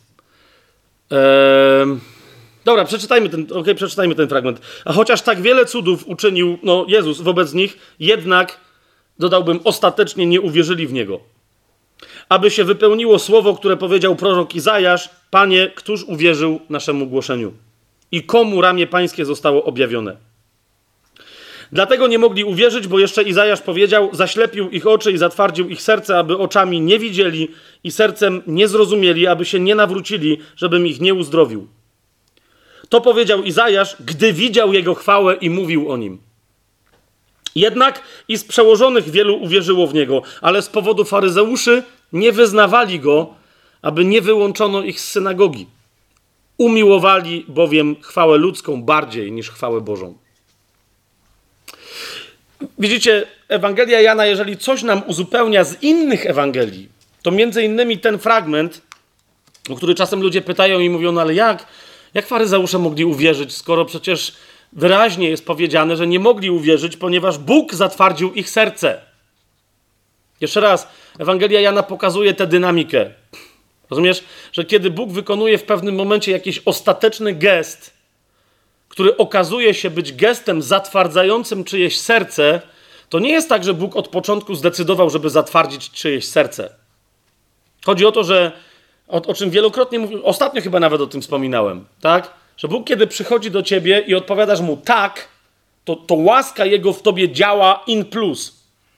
Ale w momencie, kiedy Bóg przychodzi do ciebie, a ty odpowiadasz nie, to nadal dotyka cię Jego łaska, ale skutek tego dotknięcia jest in minus. Każde przyjście i przejście Boga przez twoje, moje życie w, w, kończy się jakimś skutkiem. I w zależności od tego, jaka jest moja odpowiedź na to przejście, ten skutek jest pozytywny albo nie. Jeżeli Bóg znowu przychodzi, znowu przychodzi, znowu przychodzi i ja dokładam nie, do nie, do nie i do nie, rozumiesz, to ja jestem odpowiedzialny za stwardnienie mojego serca. I teraz sęk w tym, że Bóg ma nieskończoną ilość możliwości, ale ja nie mam nieskończonej ilości możliwości i ty też nie masz. Dlaczego? Ponieważ jesteśmy skończonymi istotami w odróżnieniu od Boga, który jest nieskończony. Mamy skończony czas na podejmowanie decyzji. Chodzi o to, że kiedyś któraś interwencja Boga w Twoim życiu będzie ostatnia. Rozumiecie?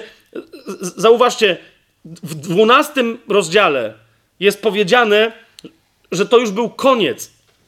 Tak? Że ostatni raz Jezus mówił z niektórymi z nich i oni po raz ostatni mieli szansę, żeby odpowiedzieć na to, co Jezus zrobił. Dlaczego? Bo 13 rozdział rozpoczyna się od informacji istotnej dla nas, że ta godzina, o której Jezus przez całą Ewangelię mówi, że On przyszedł na jakąś godzinę, o tym będziemy mówić następnym razem. 13 rozdział mówi, że oto ta godzina właśnie nadeszła. 13 rozdział, pierwszy werset mówi, przed świętem Paschy Jezus wiedząc, że nadeszła Jego godzina. Tak? A więc, rozumiesz, Jezus dawał szansę faryzeuszom wielokrotnie, ale w tym momencie musiał ich zostawić, to była ostatnia szansa. Oczywiście po jego śmierci nadal oni się mogli nawracać, ale, ale w ramach tej historii to była ostatnia szansa. A ponieważ oni regularnie zatwardzali swoje serce, kłamiąc, odrzucając Jezusa, nie chcąc w Niego uwierzyć, nie szukając wcale prawdy, a twierdząc, że jej szukają, to właśnie dlatego ziściło się na, na nich proroctwo Izajasza. I też zauważcie, że nie na wszystkich, tylko na tych, którzy naprawdę byli za to odpowiedzialni. Tak? Że oto tym ostatnim aktem zaślepił ich oczy i zatwardził ich serce, aby oczami nie widzieli i sercem nie zrozumieli. Ale zauważcie, że komentarz do tego Jana jest jaki? Że to się stało w wyniku czego? W wyniku tego, że nikt nie chciał uwierzyć naszemu głoszeniu. 38 werset. Panie, któż uwierzył naszemu głoszeniu? Mówi Izajasz. I dlatego skutkiem tej niewiary jest zatwardzenie serca, które Bóg w pewnym momencie przyklepał i mówi: OK, nie, nie mam więcej opcji, bo właśnie nadeszła godzina i Jezus musi wykonać swoje dzieło. Już nie może z wami dyskutować, już nie może być na was skupiony, po prostu. Czy to jest jasne, to jest jasne o, czym, o czym mówię, ale zobaczcie, jak to jest tragiczna historia. Jak to jest tragiczna historia w, w 40 drugim i 43 wersecie ludzi, którzy uwierzyli Jezusowi, ale nie chcieli go wyznawać. Zauważ, jak, to jest tragiczna historia. Jak u wielu chrześcijan my się na to godzimy, że ktoś prywatnie przyjął Jezusa, bo ty mu głosisz, rozumiesz, wieczorem gdzieś tam przy lampce wina, jak ktoś mi ostatnio powiedział, i on, on przyjęła Jezusa. No to czemu w takim razie nie słyszę, żeby się chciała ochrzcić? Czemu nikt nie wie u niej w pracy, że przyjęła Jezusa? Bo wiesz, bo jeszcze to jest. Yy, ma jakiś dyskomfort z tym. No to rozumiesz, co to oznacza? Z przełożonych 42-43 werset, werset wielu uwierzyło w niego, ale z powodu faryzeuszy nie wyznawali go. I komentarz umiłowali bowiem chwałę ludzką bardziej niż chwałę Bożą. Pamiętasz? Co Jezus mówi, jak możecie naprawdę uwierzyć, jeżeli szukacie chwały nawzajem od siebie, a nie tej, która pochodzi od Boga. No więc to, że oni w Niego uwierzyli, wcale nie znaczy, że się Jemu zawierzyli. Tak? Dlatego Paweł mówi, kto w sercem uwierzył, a ustami wyznał i uczynił to wyznanie publicznym. Dlatego Jezus wielokrotnie w innych Ewangeliach słyszymy, że powtarza, kto się przyzna do mnie przed ludźmi, do tego Syn Człowieczy, przyzna się przed swoim Ojcem i przed aniołami w niebie. Ale kto się mnie zaprze, nieważne z jakiego powodu, e, no nie chcę wprowadzać zamieszania w Sanhedrynie. Ja mówi, no to, no to ja się ciebie też zaprę. Jest fair? To będzie też publiczne. Też nie chcę wprowadzać zamieszania mojemu ojcu, ani aniołom w niebie. I oni zapytają, czy to jest człowiek, do którego się przyznajesz? I Jezus powie, no nie. Fajnie? Ale Jezu, ja, naprawdę, ja w ciebie uwierzyłem potajemnie. To ja też potajemnie w ciebie wierzę. Napra- na, naprawdę. Ale ojcu nic nie powiem, no bo to jest tylko, to jest nasz mały sekret. Nasz mały sekret. Zobaczcie, straszne słowa Jezusa. Właśnie o to mi chodzi, że, że to się pogłębia. Jezus jest coraz ostrzejszy w tej kwestii. 48 werset. Kto mną gardzi i nie przyjmuje moich słów, ma kogoś, kto go osądzi. Słowo, które ja mówiłem, ono go osądzi w dniu ostatecznym. Hmm? Rozumiesz? E, to się też tyczy nas, zrozum. Chrześcijanin, który wyznał Jezusa jako Pana i potem czyta w Ewangelii, jak ma żyć, a mu się nie chce, bo coś tam, e, już jestem zbawiony, e, fajnie, e, nie jestem taki zły w porównaniu ze, ze światem, a nawet z innymi braćmi i siostrami, e, nie jestem taki zły. Popatrz na tą, se włosy na rudo zafarbowała, z jednej strony się ogoliła, no dajże spokój. Widział kto taką chrześcijankę? No nie słyszałaś nigdy, Weronika, takich myśli? Ludzi niewyrażanych na głos? W, nie, w niektórych miejscach, które odwiedziliśmy, w niektórych zborach? Mm, to jest ktoś, kto... Mm. Teraz, rozumiesz, jeżeli nie przyjmujesz słowa, także jako wierząca osoba, zauważ, co Jezus mówi. Jeszcze raz, 48 werset. Jeżeli nie przyjmujesz słów Jezusa, odwróciłbym to. Kto nie przyjmuje moich słów i w ten sposób mną gardzi, kapujesz, że my nadal jako chrześcijanie możemy, wyznając Jezusa jako Pana, a nie będąc posłuszni Jego słowom, możemy okazywać Mu pogardę? To czy, wie, bo teraz jest, mówiliśmy o niewierzących i teraz, o, gardzisz Jezusem, bo nie przejmujesz Jego słowa. Mm, mm, mm. Przyjrzyj się sobie. Przyjrzyj się sobie. Bo prawdopodobnie ktoś, kto nie przyjmuje mojego świadectwa, rozumiesz, okazuje się kimś, kto pogardza Jezusem znacznie mniej niż ja. Prawdopodobnie przeze mnie Duch Boży nie działa tak mocno, jakbym mógł, bo ja w jakimś aspekcie gardzę Jezusem jako świadomy, nowonarodzony człowiek.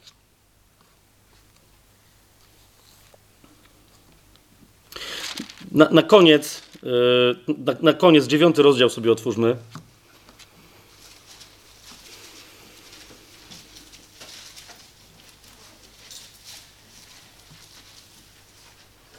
Tak, bo jednak myślę, że to jest dobre, żeby to przeczytać. Raz, że troszeczkę, bo to ostre zakończenie tego dzisiejszego spotkania, więc troszeczkę, żebyście się, żebyśmy się pocieszyli, ale też, żeby skomentować e, ten temat, po, że, że niewiara może się pogłębiać, więc uważaj. Na przykład, wiesz, wiecie o co mi chodzi, bo to jest kwestia, jak ktoś bardzo na siłę chce nawrócić swoją mamusię. A dobra, jeszcze to, to, to nie, bo tam akurat facet by nawracał mam. A, ale jak ktoś bardzo na siłę, jakaś mamusia chce nawrócić swojego synusia, rozumiesz, w tego typu akcjach, żonusia, mężusia i tak dalej, że kapujesz twoje, twoje niepotrzebne podchody mogą się skończyć zatwardzeniem serca tej osoby, a wcale nie otwarciem. Zrozum, jak cię duch tam nie posyła, możesz pogłębić czyjąś ślepotę. Ale dziewiąty rozdział. Yy, po tam dłuższych historiach faryzeuszy, którzy nie mogą uzyskać świadectwa, które mogą uzyskać tego uz- uzdrowionego ślepego, jeszcze przestraszyli jego rodziców i oni mówią, to jego zawołajcie, ma swoje lata, jego pytajcie. My nie wiemy o co chodzi. I jest teraz ta scena, 29 rozdział od 24 wersetu.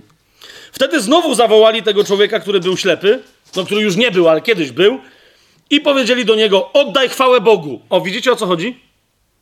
To zauważcie, zauważajcie takie sformułowania, kiedy Jezus wielokrotnie im mówi, że wy nie szukacie wcale chwały Boga.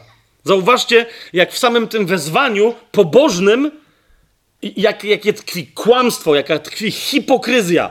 Oni mówią, nam oddaj chwałę, powiedz, że my mamy rację. A mówią, oddaj chwałę Bogu. My wiemy, że ten człowiek jest grzeszny. Widzicie to? To jest, to jest ten, ten fragment o, o Jezusie. Ciekawe skąd. Ale ten człowiek, o, jest interesujący człowiek. Uwielbiam tego chłopa. Naprawdę jest, jest genialny. A on odpowiedział, czy jest grzeszny, to nie wiem. Natomiast wiem, że byłem ślepy, a teraz widzę. Taka zagadka. I zapytali go znowu, cóż ci uczynił? Po czym, jak otworzył twoje oczy? No więc po co pytanie, co ci uczynił, skoro najwyraźniej wiecie? No plączą się chłopaki. Odpowiedział im, już wam powiedziałem, ale najwyraźniej nie słuchaliście. No to ja dodałem to najwyraźniej, tak? Dlaczego jeszcze chcecie słuchać? Czy i wy chcecie być jego uczniami? No bo skąd takie zainteresowanie, tak? No hej, jakiegoś szczegółu nie dodałem, dzięki któremu w niego uwierzycie? Wtedy złorzeczyli mu i powiedzieli: Ty bądź sobie jego uczniem, my zaś jesteśmy uczniami Mojżesza. My wiemy, że Bóg mówił do Mojżesza, ale skąd on jest, nie wiemy.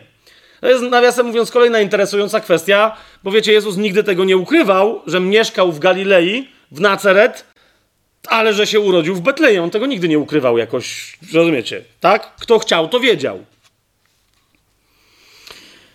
Odpowiedział im ten człowiek: No to jest naprawdę dziwna sprawa.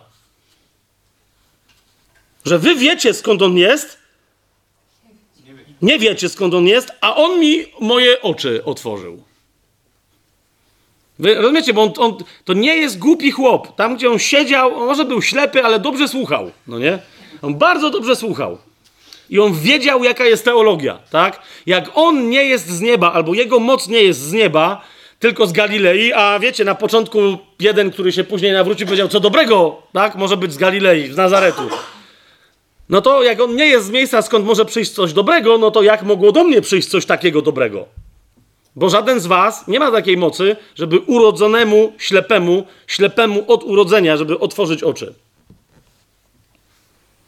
A wiemy, zauważcie, bo to ten ślepy mówi, że Bóg nie wysłuchuje grzeszników, ale jeżeli ktoś jest czcicielem Boga i wypełnia Jego wolę, tego wysłuchuje. No i mówi, no a on mnie uzdrowił, także, czyli jaki jest wniosek, bo ja jestem głupi. Ja nie wiem. Od wieków dalej paradoksalnie, jak kontynuuję, mówię, nie, naprawdę, ja tylko tak wam mówię, bo nie wiem, czy tu jest jakiś błąd logiczny. Od wieków nie słyszano, żeby ktoś otworzył oczy ślepego od urodzenia. Więc gdyby on nie był od Boga, to nie mógłby nic uczynić. Czy może popełniłem jakiś błąd w tym równaniu? Pani od matematyki niech powstanie i mi pokaże, gdzie jest błąd. Pani od matematyki więc wstała, czyli jeden faryzeusz, i odpowiedzieli mu: Urodziłeś się cały w grzechach i ty nas uczysz? to jest to, rozumiesz? To, to, to, jest, to jest cała dyskusja na temat. Tak, nie, nieważne, czy ty mówisz logicznie. Ważne, że my wiemy, że tak jak on jest grzesznikiem, to my wiemy, że ty też jesteś grzesznikiem. Wypad. I wypędzili go precz. A kiedy Jezus usłyszał, że go wypędzili, znalazł go i zapytał: czy wierzysz w Syna Bożego? Zauważcie, zauważcie, co się dzieje. To jest człowiek, który miał tą samą teologię, znacznie mniej przesłanek, ale tą samą teologię, co oni. Rozumiecie? On ją właśnie im wyłożył. Mówi, że hej, to jest przecież wasza teologia. To wy mówicie, że tak jest w piśmie napisane, tak? I oni go zwyzywali. Ale on wyłożył prostą teologię, więc Jezus go zapytał, wiedząc, bo od początku tej Ewangelii my wiemy, że Jezus wie o ludziach wszystko, tak? Czy wierzysz w Syna Bożego? On odpowiedział: A kto to jest, panie, abym w niego uwierzył? I powiedział do niego Jezus: I widziałeś go, i ten, który mówi teraz z tobą, nim jest.